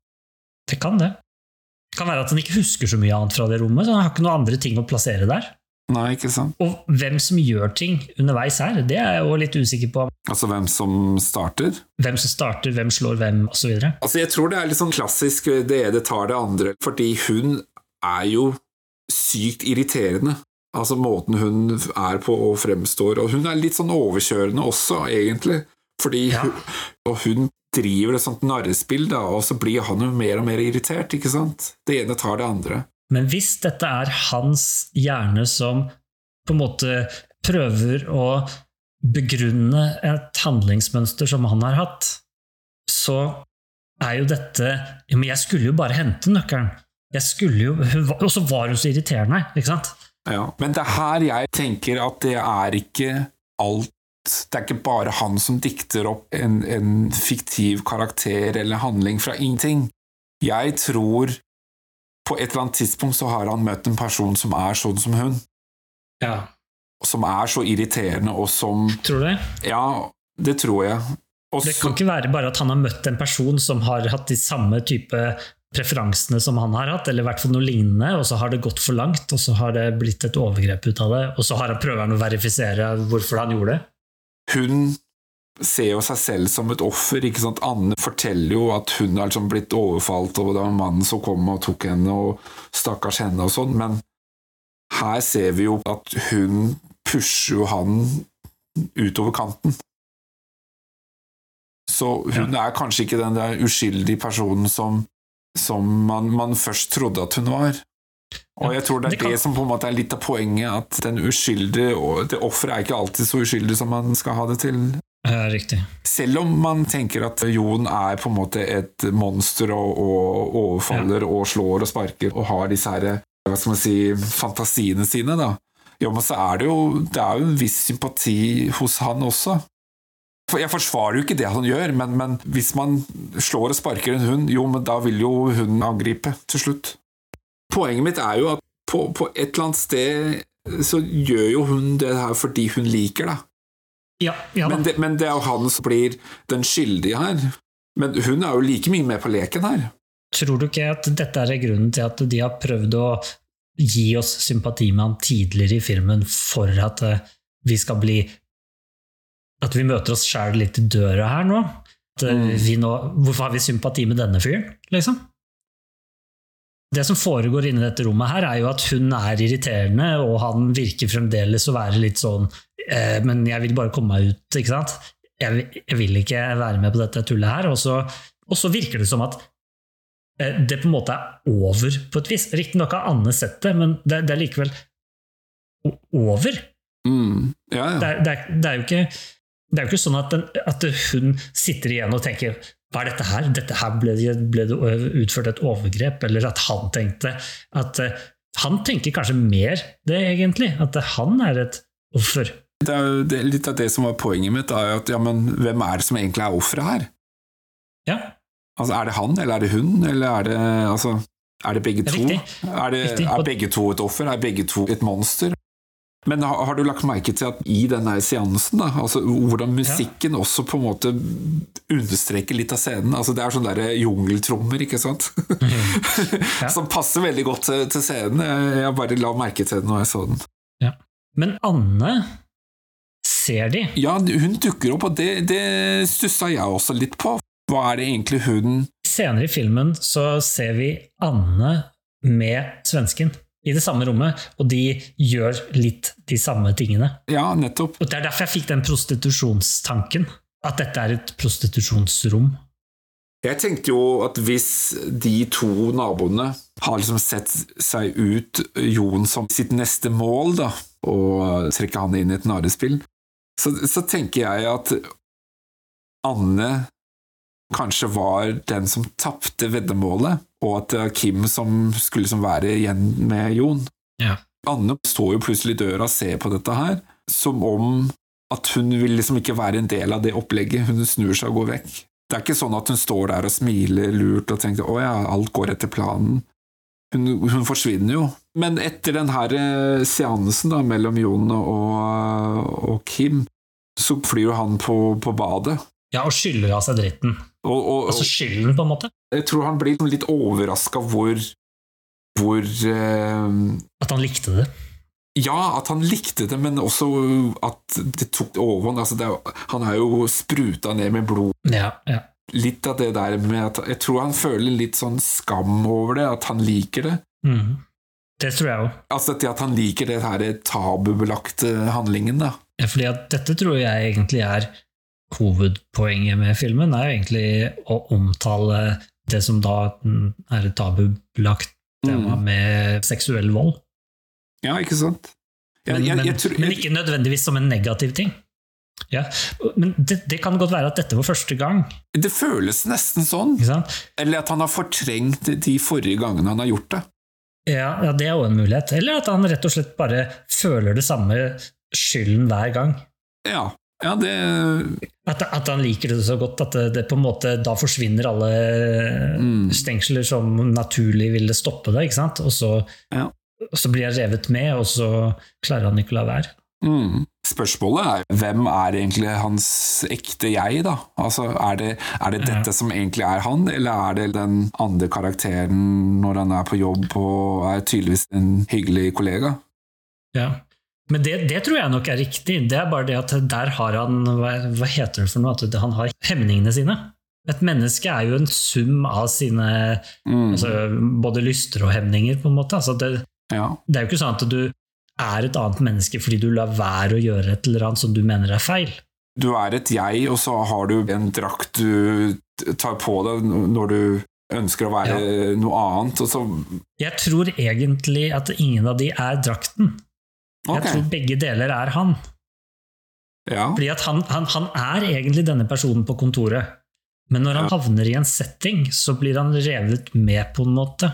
Så han gjør noe han vet er feil, ja. Men han gjør det likevel. Så det er en del av han. Men, men når han er på jobben, så må han jo undertrykke masse ting med seg selv, da. Men er ikke det Altså, Hvis han liker det der med å ha sex med vold og sånn, hvis det er det han liker, så må han jo undertrykke det når han uh, går ut av døra. ok. Hvis du liker å kjøre i fylla, sant? men du lar være å gjøre det fordi du vet det er feil, så betyr det ikke at du undertrykker en, en ting som er vanskelig for deg å gjøre. Som gjør at du er en helt fylle, annen person. Fylle, fylle er jo litt annerledes, for der, der er du på en måte påvirket. Andre involvert. Nei, du er påvirket. Poenget mitt er at du kan jo undertrykke deler uten at du nødvendigvis undertrykker det. Det er noe du ønsker å gjøre, det er en ønsket undertrykking. Jeg vet ikke, altså jeg, jeg er jo ikke psykolog, jeg vet ikke hvordan dette funker. Ikke jeg heller. Altså, jeg tenker jo at det kanskje kunne være noe schizofreni her. Altså at han, når han er på jobben, så, så, så, så er han kanskje ikke klar over at han faktisk har gjort det andre. Oh ja, ja, At det er så stor forskjell, det, det tror jeg ikke. fordi han, På jobben så satt han jo og ringte til, eh, til dette teleselskapet for å finne ut om det var noen naboer. Ja. Jo, det er sant. Uansett, han eh, skylder av seg eh, skyldfølelsen sin, tror jeg. Mm. Eh, Men helt funker ikke det, er nå så møter han jo på jobb, nå er det blåveis og sånn. Og dette tror jeg er en reell hendelse. Her er det ikke noe som foregår i hans hode, hvor han har vært i en situasjon hvor han har vært voldelig enten med kjæresten sin eller med et eller annet, og fått en blåveis. Eh, Men, men, ja, men spørsmålet er jo om dette her er eh, blåveis han har fått fra en annen person. En, Ja. for det vet jeg jo rett etter han har møtt Kim, som vi ikke vet er virkelig eller ikke. Ifølge filmen, ja. Ja. Her kan det være at Kim enten er Ingrid, eller at Kim er en annen person. Det er egentlig likegyldig. Poenget er at han har vært i en eller annen voldelig, seksuell voldelig situasjon, og dette er hvordan han reagerte på jobben etterpå. Tenker du at den blåveisen som når han er på jobben nå, og har den blåveisen, til skjer i den samme tidslinjen som han bor i den leiligheten? Jeg tenker at det er en av to muligheter. Ja. Enten så er det pga. at han tok livet av eh, Anne Nei, hva heter hun? Ikke Anne. Ingrid. Ingrid? Enten så er det fordi han tok livet av Ingrid, at han fikk det i den slåsskampen der. Mm. Eller så er det tidligere, når han har møtt personer som så ut som Kim og Anne. Det vil jo si at når han går på jobben, så er det etter at han har drept eh, Ingrid, og etter han har ligget ved siden av henne på, i siste scenen? Uh, ja. Uh, nei, det er det ikke. Og grunnen til at jeg mener det, er fordi at den siste scenen er på slutten, og hun er ikke nydød i siste scene. Nei, men, men jeg tenker jo at Du lukter ikke etter en dag. Ok, ok. De her uh, fantasiene som han har med naboen, Mhm. Eller at han, han, han skaper disse her karakterene, det er jo et resultat av at han har drept Ingrid. Er du ikke enig i det? At han driver og tenker dette? Ja, det tror jeg. Altså, jeg tror at det at han dreper Ingrid, gjør noe med tankesettet hans. Og så, og så Men- skaper disse her fiktive karakterene naboen. Ja. Det vil si at når han går på jobben og har blåveisen, det må jo skje Fra Ingrid. Det må jo skje etter Ingrid. Tankene, tankene han har, den, det han driver og tenker på disse to naboene, det kan han ha gjort på en ettermiddag. Tidsspennet for hva han tenker inni hodet sitt, er uvesentlig. Jo, men, Det som, er, men vi, det som er viktig her, er jo hvor fersk den blåveisen er. Og, og da hvis han får den blåveisen når han prøver å ta livet av Ingrid, og faktisk ta livet av Ingrid, mm, og han legger Ingrid inn i senga i sin egen seng, sant? så står han opp neste dag, så går han på jobb igjen, så går han tilbake igjen, så setter han seg i stolen sin, tenker igjennom problemer som han har hatt hele denne filmen, kanskje, eller noe sånt noe. Og så legger han seg i senga si igjen, ved siden av eh, den døde Ingrid, som nå blir dårlig, mer og mer død. Altså hun blir gråere og gråere, blir mer og mer eh, nedbrutt.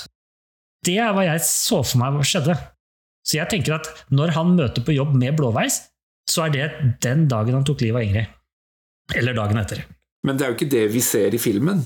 For det, det er jo et narrativ som er knytta til Kim. Det er riktig. Og det var jo da en vurdering som jeg tenkte på også, fra han og Ingrid hadde seg.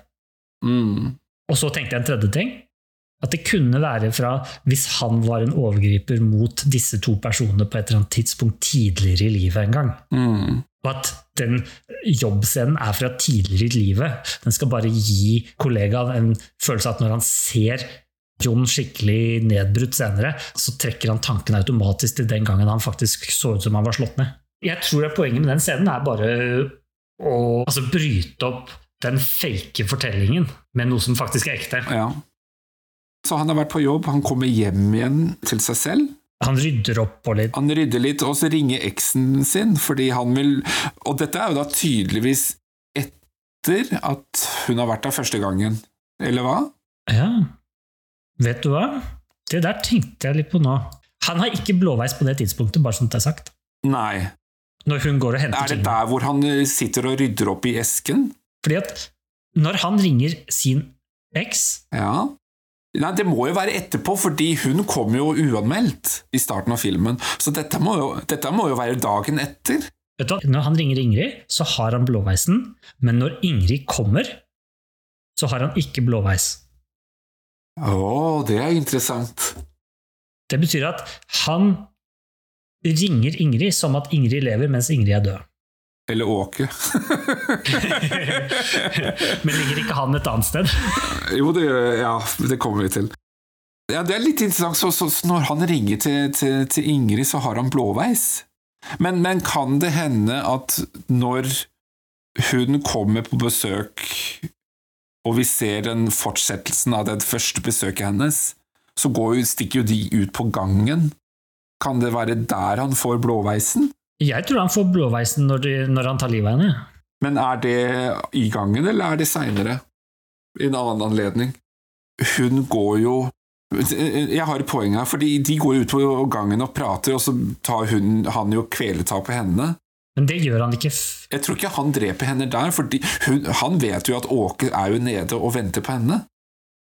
Så, så, så det vil jo være risikabelt for han å, å ta livet av Ingrid i gangen. Er du ikke enig? Det var en god tanke. Men hvorfor skulle hun komme tilbake igjen? Ja, hvis, hvis han ringer og spør og, og, og, For nå, nå er vi i scenen hvor han ringer henne. Han, vi får se at han tar livet av henne Hvor er vi nå? når det gjenstår minutter, fem minutter av filmen. Og da har han ingen blåveis når han tar livet av henne. Og så drar hun til han på over øyet. Der får han blåveisen. Ah, ok, så Da har han møtt Åke, alt sammen har blitt inni hodet. Men da dreper jo ikke han henne i gangen. Da, da er Jo, jo. Nå tenker jeg på den scenen tidligere i filmen, i midten av filmen. Ja, riktig. Da, da vises det ikke. Da, viser, da, da går de bare ut på gangen, de snakker sammen og blir litt sånn røffe, og så tror jeg hun forsvinner. Jeg tror ikke han dreper henne på det tidspunktet. Jo, men hun roper på Åke når han tar livet av henne. Kanskje det er egentlig en fortsettelse av det at, hun, at de forsvinner på gangen, og så kommer Åke opp, og så, og så og, Jeg tror at alle de tre tidspunktene i filmen hvor vi ser Ingrid, mm, og han i leiligheten og i gangen, og når det blir tatt livet av, er samme hendelse. Ja, de er egentlig kronologisk, på en måte, eller de henger sammen. Ja, Ja. Det, det, det kan være eh, riktig, ja. Det tror jeg. Så det vi får vite, er bare litt mer av den hendelsen før hun, han tar livet av henne. Mm. De er uenige om hva som egentlig skjedde med, mellom de to tidligere. Ja. Altså hun, hun legger jo fram en historie hvor øh, han er aggressiv og blir tent på av ditten og datten. Mm. Men er det ikke litt sånn at det hun forteller, sammenfaller litt med det, den handlingen som Jon hadde med Kim? Hun nevner noe med kaffe og sånn. Ja, det, det gjør hun jo sånn, men hun forteller jo om at han blir tent av Altså, Ja, det, Han sa noe at de hadde ikke hatt sex som ligner svært uh, med, med den handlingen som han hadde med Kim. Og det er det som gjør at jeg tenker at er Kim også Ingrid? Ja, det har jo jeg tenkt også. Jeg tenker jo at når Jon og Ingrid var sammen, og så kom det jo uh, fram at han ønsket et mer voldelig Voldelig sexliv. Ja, ikke, voldelig sexliv, ikke sant? Ja, ikke sant? Hva hvis jeg slår deg? Ikke sant? Hvis jeg slår deg det- så, så mye at du begynner å blø, er det greit? liksom? Ikke sant? ikke sant? Og det er jo den, den fantasien han øh, gjenlever med Kim. Ja, det tror jeg også. Eller at Anna og Ja, Kim men er egentlig samme person. Ja, fordi at jeg har blitt mer og mer sikker på dette her, egentlig. At jeg tror at det som skjer med Kim, er noe som han har gjort med Ingrid. Ja, Men grunnen til at han har Kims fes, er fordi at han tidligere har gjort et overgrep mot Kim. ja, det tror jeg også. Det kan være på den der heisaturen til Hellas. Ja, Ja. At de var naboer på hotellet eller noe. Jeg, jeg tror at Kim, Anne og Ingrid Ja. egentlig er samme person. Ja, det tror jeg òg. At det er forskjellige aspekter, eh, personligheter, da, om du vil, av samme person. Ja. For de ligner jo egentlig litt på hverandre. Altså i hvert fall Anne og Ingrid, syns jeg, da. Sånn fysisk, mener jeg. Utseendemessig. ja, kanskje litt. Men Kim ligner jo ikke. Ikke i utseendet, men det kan hende andre aspekter, da. Men, men Kim er jo den uh, mørke fantasien. Ikke sant? Det kan godt hende at Ingrid hadde en sånn viss leken personlighet, som Ja. uh, når, når, tenker når, uh, eh, Jon møtte henne første gangen, så var Men- kanskje men- det mer likt Kim. Ja, men det ligner litt grann på det hun sier òg. Vi hadde ikke hatt sex på seks måneder, eller noe sånt nå, og så sier hun at eh, når du slo meg, så ble du på en måte kåt av det. Ja. Så det virker som at hun og han har gjort det. At de har vært på denne måten. Hvorvidt hun hadde en glede av det selv, det er vanskelig å vite. Men hvis vi tenker at hun er samme person som Kim, så kan vi jo kanskje tenke seg at hun faktisk ble revet med, hun òg. Og så kanskje gikk det over grensen eh, en gang, Ja, med, ka ble- med kaffen som ble helt over en eller noe sånt. og, og han sa liksom Ja, men det var et uhell, ikke sant? Ja. Husker du ikke det? Ja, ja, ja. Men- ja, ja, Men det er jo ingen som heller en hel kaffekanne over, på, på en måte. Og, og så har de sex. For det var det hun sier. Mm. I gangen der så virker det som at hun gjorde det fordi han likte det. Ikke Ja. fordi hun nødvendigvis likte det selv. Nei, Men, men nei det kan godt være, men det, det tror jeg vel kanskje at eh, Tror du du lar deg bli slått ned og blod spruter og sånt noe, hvis du ikke det er jo noen som lever i et forhold i frykt. Jo. Altså, man er glad i en person, men, eh, men, men Ja, da hun sa, sier jo at hun skulle forlatt ham for lang tid siden og sånn. Så det kan jo være det. Men da tror jeg ikke hun likte det på noe tidspunkt. Så da kan hun ikke være litt som Kim, for Kim åpenbart likte det. Nei, men det kan hende at Jon han tenkte og trodde og følte at Ingrid likte det, og derfor ble det liksom karakteren Kim. Og ja, derfor forestiller han seg det, ja. Ja, ja. Og det kan jo henge sammen med denne personen som han hadde det overgrepet mot Mm. tidligere, muligens. Ja. Jeg, jeg tror vi skal lande litt på den der, eh, Lars. Nå er vi egentlig bare i denne forferdelige labyrinten med, med Kim, og vi ser at Anne har et forhold til denne Åke, hvor de kysser hverandre og slår hverandre, og så er vi inne i disse gangene igjen, og vi flyr fram og tilbake i gangene, og Åke Mm. hilser på, Åke hilser på Jon og sånn. Og her tenker jeg at her er det bare hjernen til Jon som er helt koko. Det som forvirrer meg litt, da, det er jo at hvis man tenker det narrativet at Ingrid kommer og henter sakene sine hos Jon, henter esken, Åke er nede i bilen, han kommer opp i gangen for å se etter Ingrid. Ja. Det er, det er liksom Ja. det som er historien. Og så plutselig så er Åke inne i leiligheten til naboen. Ja. Og det er derfor jeg tenker at kan det være at denne naboleiligheten er fra tidligere i Hellas, eller noe sånt? Eller Hvor han Åke også var. Ja, Altså det egentlig bare er flere virkeligheter som blir blanda sammen. ja, ja. Ja. Kan det være at han og Åke har møtt hverandre før, og at han kjenner Åkes hemmelighet? Det var kanskje der Ingrid møtte Åke, og så ble det liksom romantikk mellom de. Det kan jo være. Og så tok det liksom kanskje det overhånd fordi Jon fant ut av det, og så, ja Jeg vet ikke. Det eneste som jeg tenker på, er at Åke på dette tidspunktet har et forhold til Anne, og hvis Anne er Ingrid, så må Da må jo de ha gjort noe. Nå kom jeg på noe her. Vi snakka i stad om at Kim var Jon sin fantasi av Ingrid, ikke sant? Ja.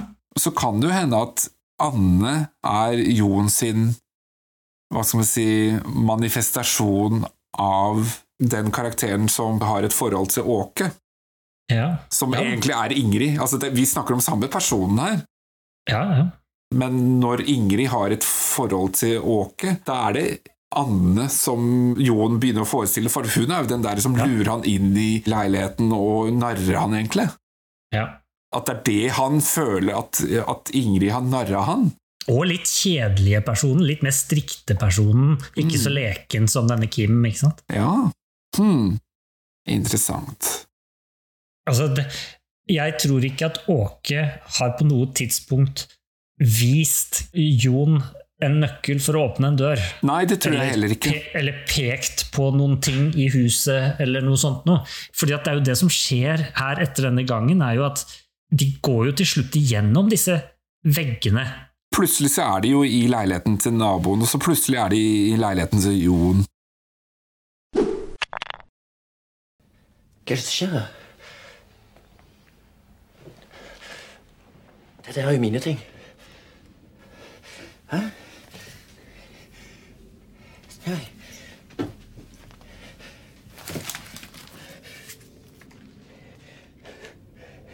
Dette er fra jobben. Jo.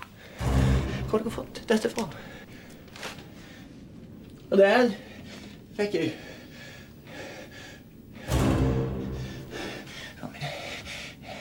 Det fikk jeg av søsteren. Vær så snill, fortell meg hva dere har gjort. Hvorfor er alt Hvorfor er mine ting her inne? Dette er jo mine ting. Da står Anne Ja, da står jo Anne og Åke der, og han tror jo at de lurer han. Dette, dette gir faktisk mening, fordi det er, det, er jo ikke, det er jo ikke Anne han snakker med, det er jo Ingrid. mhm, som han skal ta livet av snart. Men han har sikkert allerede gjort det. Jeg må bare si noe, fordi akkurat den her scenen hvor han forsvinner mellom disse her leilighetene og kommer inn i, den, i sin egen? Altså, Jeg syns egentlig det var en av de beste scenene i, i filmen. Jeg syns Kristoffer spiller utrolig bra i den scenen, fordi uansett om han tror på om dette er sant eller riktig, så fremstår han jo 100% troverdig. Jeg syns den her scenen var eh, utrolig bra. Han spiller egentlig veldig bra akkurat der. Ja. Han, han, han gjør jo det, men hvorfor han havner akkurat der, og hvorfor de, går, hvorfor de to personene dytter han dit, og hvorfor de står sånn og ser på han, det er det vel egentlig ikke noe særlig god forklaring på, føler jeg. Det er inni hodet hans, jeg er 100 sikker. Men han tror at det er virkelig. Ja. Jeg er ganske sikker på at han dreper Åke når Åke kommer opp og lurer på hvor det har blitt av Ingrid. Ja.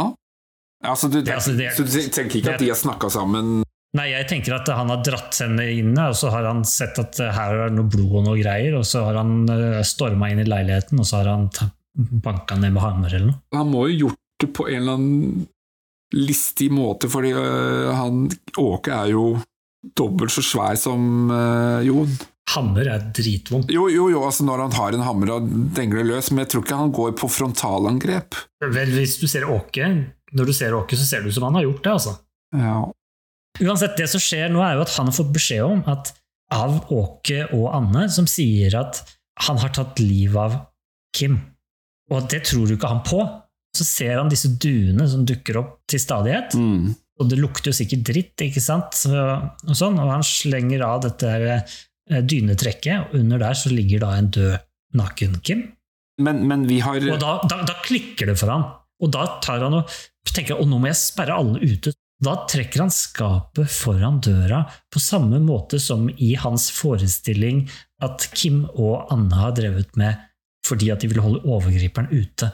Nå Mm. gjør han det for å holde overgriperen inne, på en måte. Ja, ja, ja. Jon, han i, starten av den sekvensen så går han ut til naboen og, og skal banke på, og nå skal han på en måte sette Anne på plass, ikke sant, eller naboen. Det som er litt interessant, da, fordi I scenen før så sitter jo Jon og spiser middag eller et eller annet, og han har en tallerken med noe mat på. Når han går inn til naboen, den samme tallerkenen med de samme matrestene står jo hos naboen også. Det er vel fordi det er samme, samme forestilling, da. Altså, jeg tenker jo at dette har jo noe med Altså, her er det jo virkeligheten som på en måte blir blanda sammen. Og jeg sitter jo og tenker alt det som skjer i naboen, har det egentlig skjedd i hans egen leilighet? Ja, det er riktig.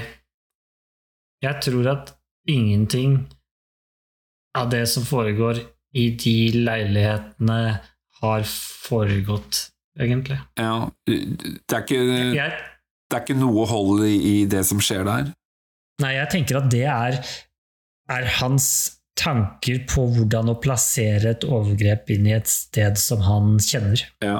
Altså, jeg liker det at denne leiligheten er et bilde på hans øh, Bevissthet. men, bevissthet og mentale tilstand.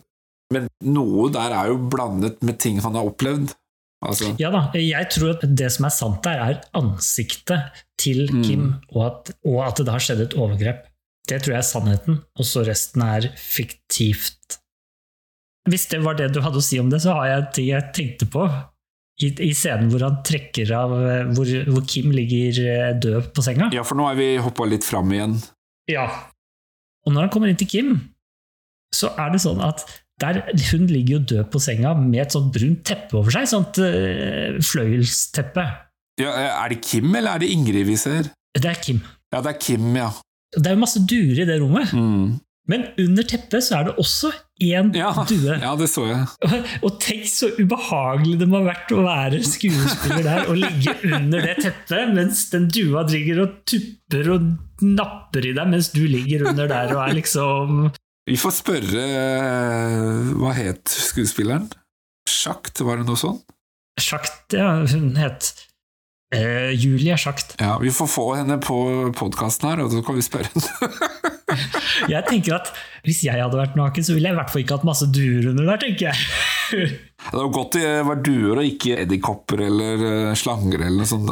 Ja, men tenk deg duene det- Ja. Ta de som napper rundt i Ja, nei. Eh, Uansett, så ser han dette her eh, bildet som vi drev og pratet om i stad, som da er da etter hvert Ingrid.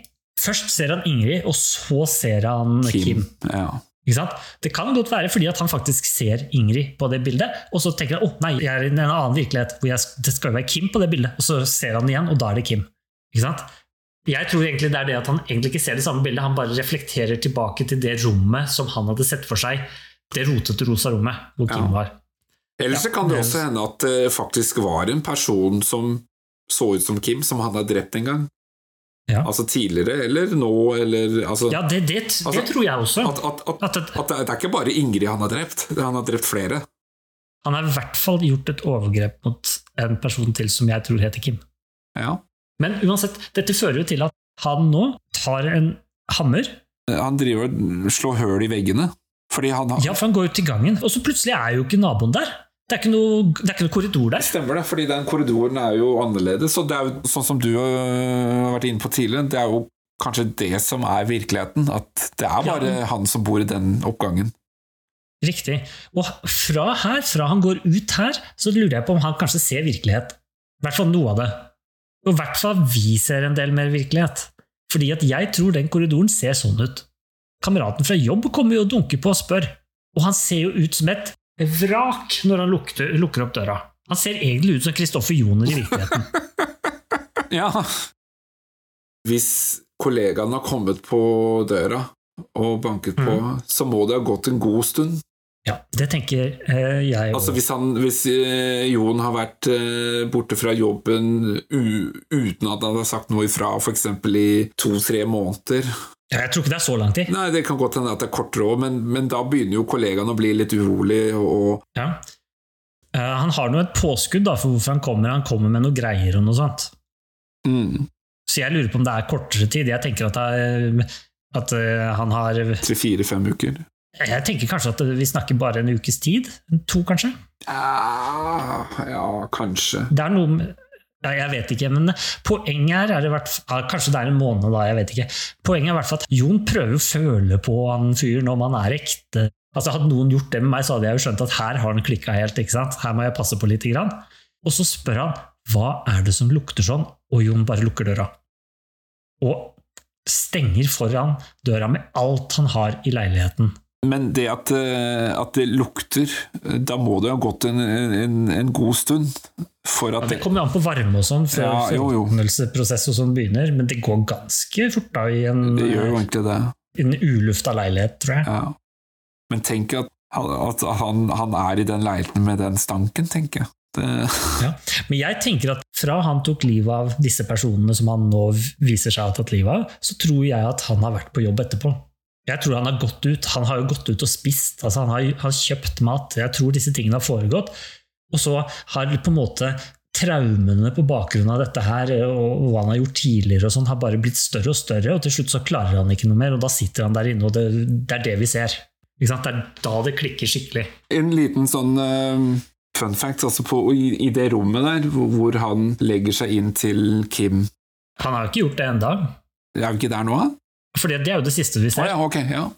Altså, det, først så ser vi at Kim er drept, Ja. og så ser vi inn på badet, og der ligger Åke. ja, stemmer det, for han dreper jo Åke også. Ja. Og Åke ser vi er død først, før vi ser at han tar liv av Ingrid. Og da ser vi at han får blåveisen, blant annet, og tar liv av Ingrid, blir full av blod osv. Og, og da ser vi at Jon sitter på sengekanten, tar av seg klærne og legger seg inni, inntil, og da er det Ingrid som ligger der. På det nattbordet som, eh, som er i det rommet, så ligger det jo en bok. Ja, Så, Det klarte ikke jeg å se hva det var. Nei, jeg så at uh, det er en bok som heter Den tredje politimannen. Ja. skrevet av Flan O'Brien. Og jeg sjekka litt opp på det der, og boken er en moderne fabel om brotsverk, straff, synd, skyld, liv, død, fortalt av en morder i helvete. Mm. Det klinger jo veldig godt sammen med karakteren Jon, ja. for han er jo på en måte i et helvete. Og, og hva slags type jobb var det han hadde? Han hadde helt åpenbart gode kontakter i jobben sin, og, og, og sånn. Men da er vi ferdige, da. Det, det er hele filmen. Dette er jo poenget mitt, at han ligger jo der nå med Ingrid, og da tenker jeg at det var avsløringen. Altså Ingrid hadde åpenbart ligget der lenge, du ser at ansiktet hennes er for, begynt å forråtne, kroppen den er helt stiv, altså, det er masse sånne skader på den. Men den, den, den ser jo mye mer hva skal man si, skada ut enn det man Jo, men hun blir skikkelig skada når han tar livet av henne. Ja, men han, han har jo virkelig dælja løs på henne. Ja. Det er ikke bare det at han har kvært henne og så ferdig med det. Nei, men Han dro til henne først, blant annet. Det er helt åpenbart at det har skjedd skader ellers også. Ja. Og Det kan jo være et årsaken til at hun har forlatt han tidligere, eller ting han har gjort med henne nå etterpå, når, han er, når hun er død. sant? Det, det kan også godt hende. Jeg tenker jo kanskje at det her har det foregått både det ene og det andre, tenker jeg i etterkant. Altså tenk på sånn nekrofili og sånn. Ja, det tror jeg. Ja. Jeg skal ikke Grunnen, grunnen til det tenker jeg at hun, han bare dæljer løs på henne mens hun ligger død der, og da blir han uh, fyrig og Willy i nikersen, han da, tenker jeg. det, det, det passer jo absolutt inn i det her med skam og tabu. Ja.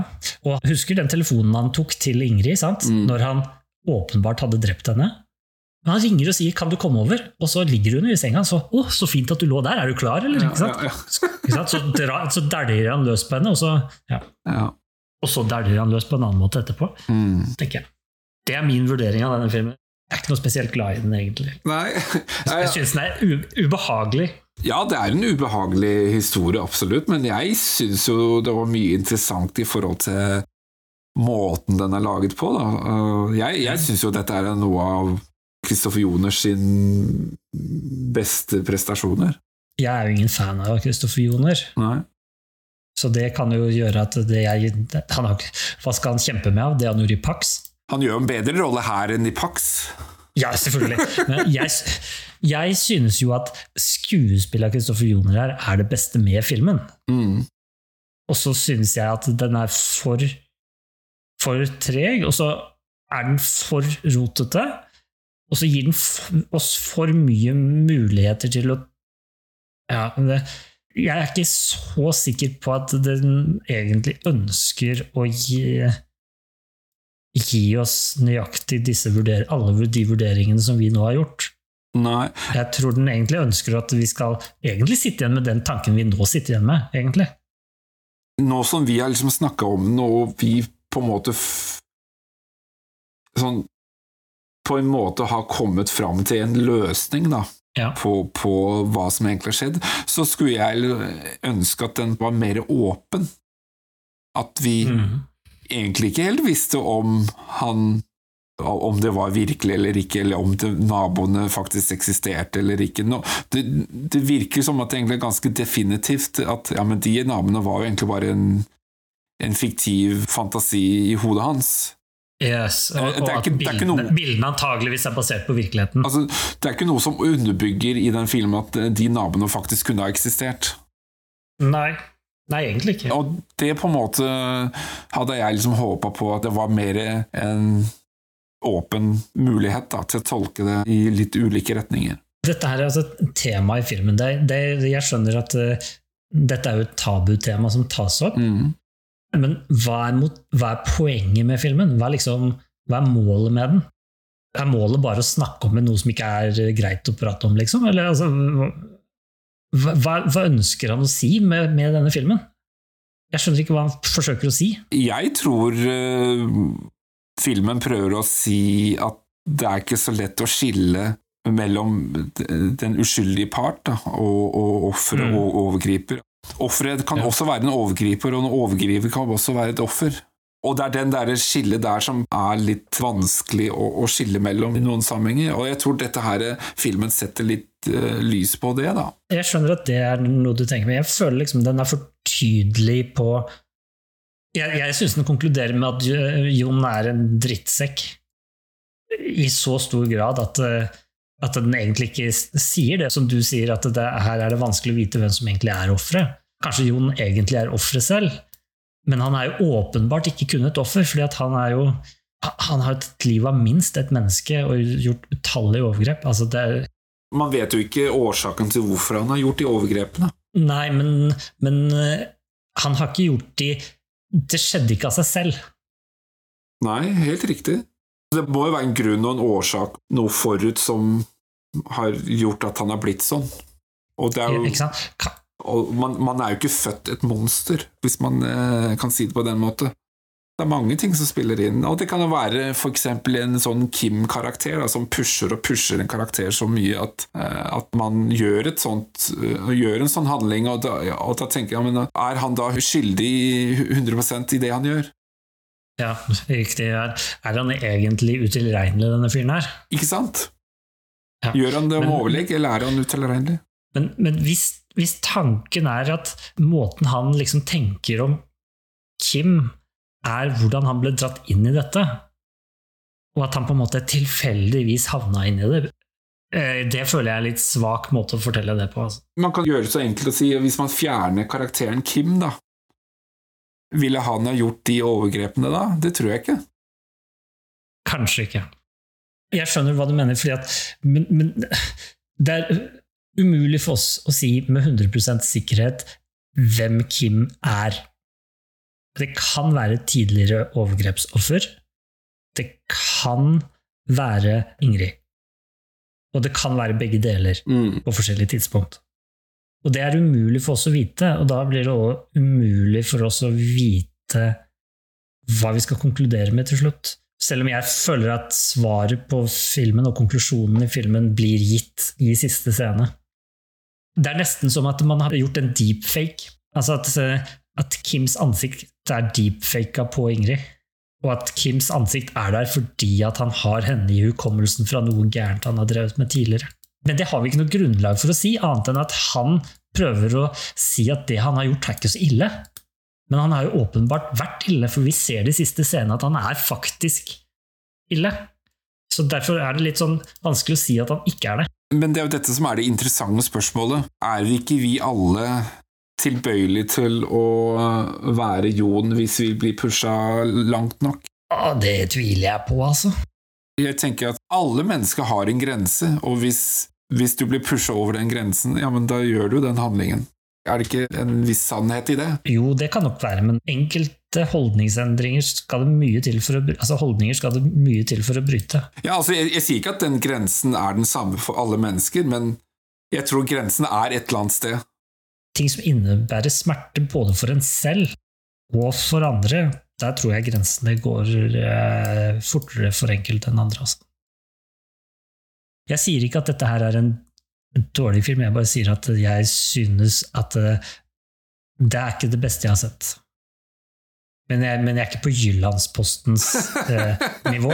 Jeg, jeg, jeg føler jo liksom at de klarer å portrettere seksuelle lyster og behov og en usikkerhet og et tabubelagt tema på, på en relativt ålreit måte. Vi diskuterer dette nå fordi vi diskuterer en film, og fordi vi liksom har bestemt på forhånd at vi skal diskutere det. Men jeg vet ikke om det hadde vært like mye å diskutere hvis vi ikke hadde hatt en podkast å diskutere. Mm. Ja, ja, sånn, ja. Podkasten tvinger litt fram diskusjonen. Ja, jeg tror det. Jeg, jeg, jeg føler at Men det er ikke det, som er hele poenget med podkasten? Jo, jo det, er, det, er jo, det er jo det som er poenget med den, men jeg, jeg tror det er enklere enn enn vi prøver å få fremstille det som. Ja, det får så være. Ok, la, la oss sette strek der. Jeg tror det. Jeg syns det er mye interessant som kommer fram, altså, og man kan snakke om, da, eh, når det er sagt. Hvis du skal trekke noe positivt ut fra filmen Egentlig så var det flere ganger jeg tenkte på at dette her var veldig bra. Jeg, jeg synes at Kristoffer Joner for en gangs skyld er en positiv karakter. Han er veldig flink i den filmen, Er åpenbart en god skuespiller her, noe som man ikke alltid er. Er det Kristoffer Joner sitt gjennombrudd? Det tviler jeg på. Er ikke det Mongoland? Han var med i Detektor også 2000. 2005 ble vel spilt inn den her. Tidlig 2000-tall så var jo han litt it-person. Men eh, jeg, jeg tenker jo det at eh, når vi sitter og ser denne filmen igjennom en gang, og vi bare sitter der og ikke tenker så mye mer over det, så gjør den en ganske god jobb på å litt, gi oss en usikkerhet om hvor vi er hen, og hvem vi snakker med, og hvem som snakker sammen, og hvorfor de snakker sammen, osv. Og, og, og i deler av filmen så tror jeg det er meningen. Eh, Og det gjør den jo for så vidt på en god måte. Problemet er at når vi sitter i et podkastformat etterpå og diskuterer det, så kommer vi fram til antageligvis løsninger på det. Men der og da så sitter, sitter jeg i en følelse av at dette løser de ok. Så tenker jeg også en annen ting. Den er ikke for lang. Det syns jeg er litt fint, Fordi da blir den litt komprimert. Det er ikke sånn at de legger inn så mye mer ekstrascener som skal liksom trekke ut tiden, og det er utrolig deilig. Det var bra. Jeg er helt enig i akkurat det med lengden, fordi den, den er ganske tight. Mm. Det er ikke mange overflødige scener i den. Nei.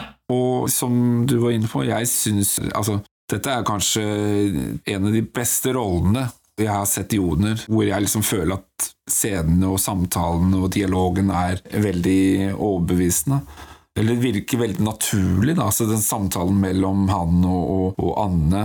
For meg så føler jeg at de har faktisk bodd der og, vært kjærester, og hun har gått fra han. Altså, jeg, jeg føler jo virkelig det. Den, den har en stemning som jeg syns er litt interessant, som jeg syns Pål Sløttaune får fram. Uh, Ja. uh, så mye positivt med den, syns jeg, da. Altså, jeg er jo åpenbart den som er uenig med Norges kritikerelite. Mens eh, du er jo mer på, på nivå med, med dem. Ja.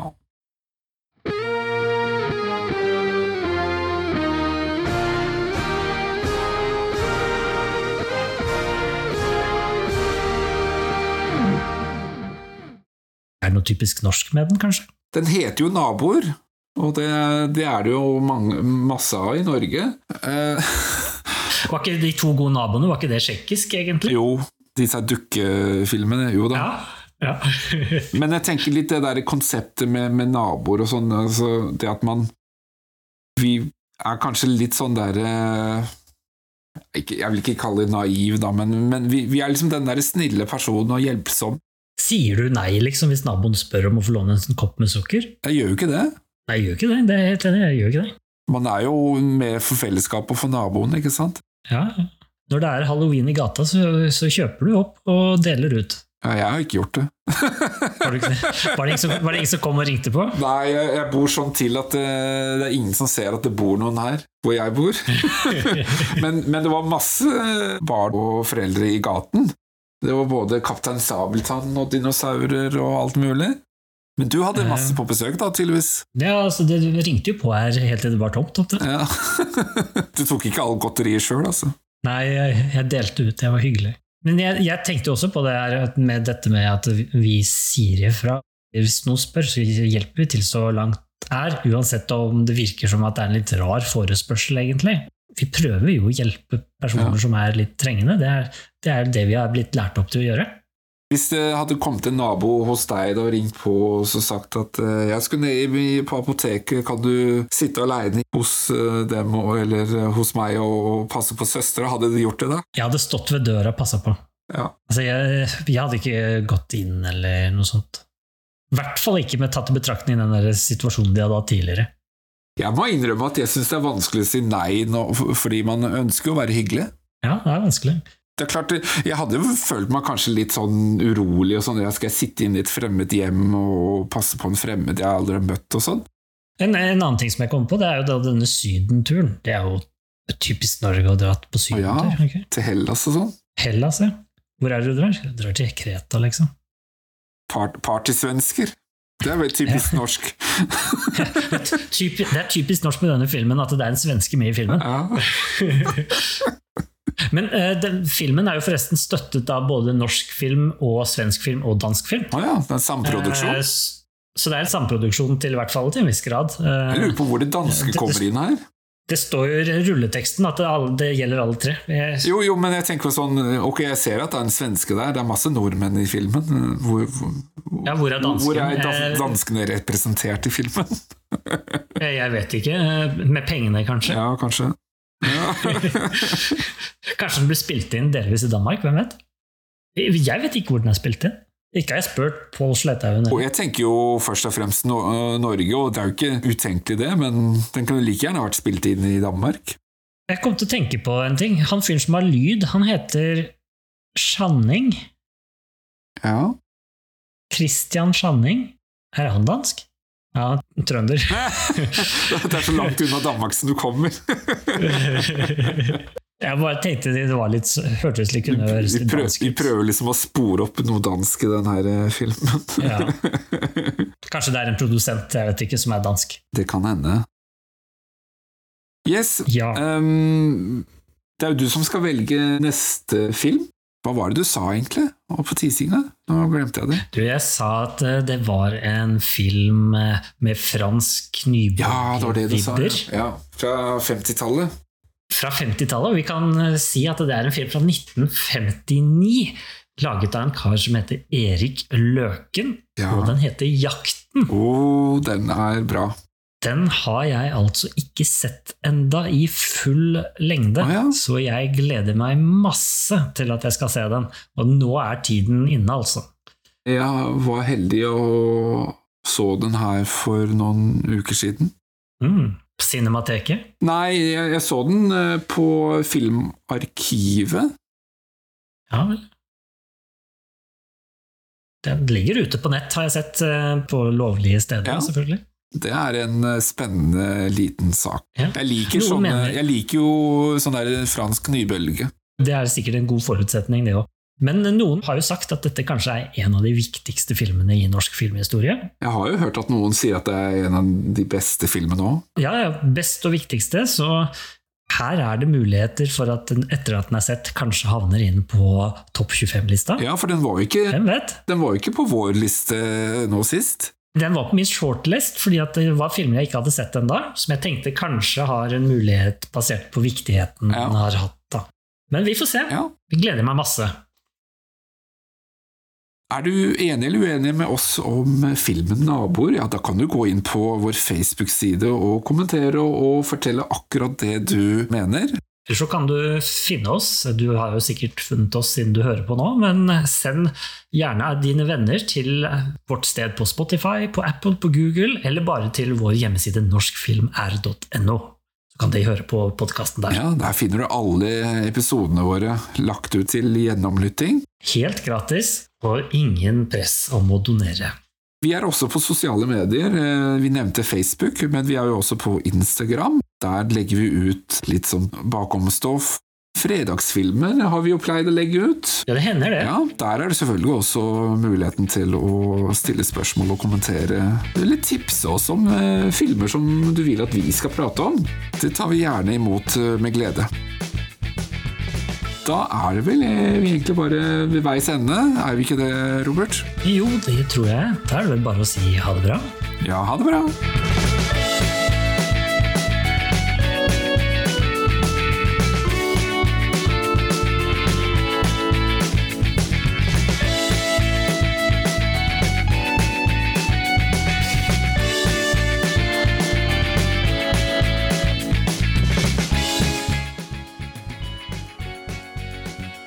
Ved siden av meg, Ved eller foran side. meg, eller rundt meg, sitter eh, du La, ta det på nytt, Lars. Dessuten kan du være litt mer engasjert i starten. Ja, eh, det kan jeg prøve. på. Det kan jeg godt gjøre. Vi har fått, La, vi har fått Lars. Vi får alltid Lars.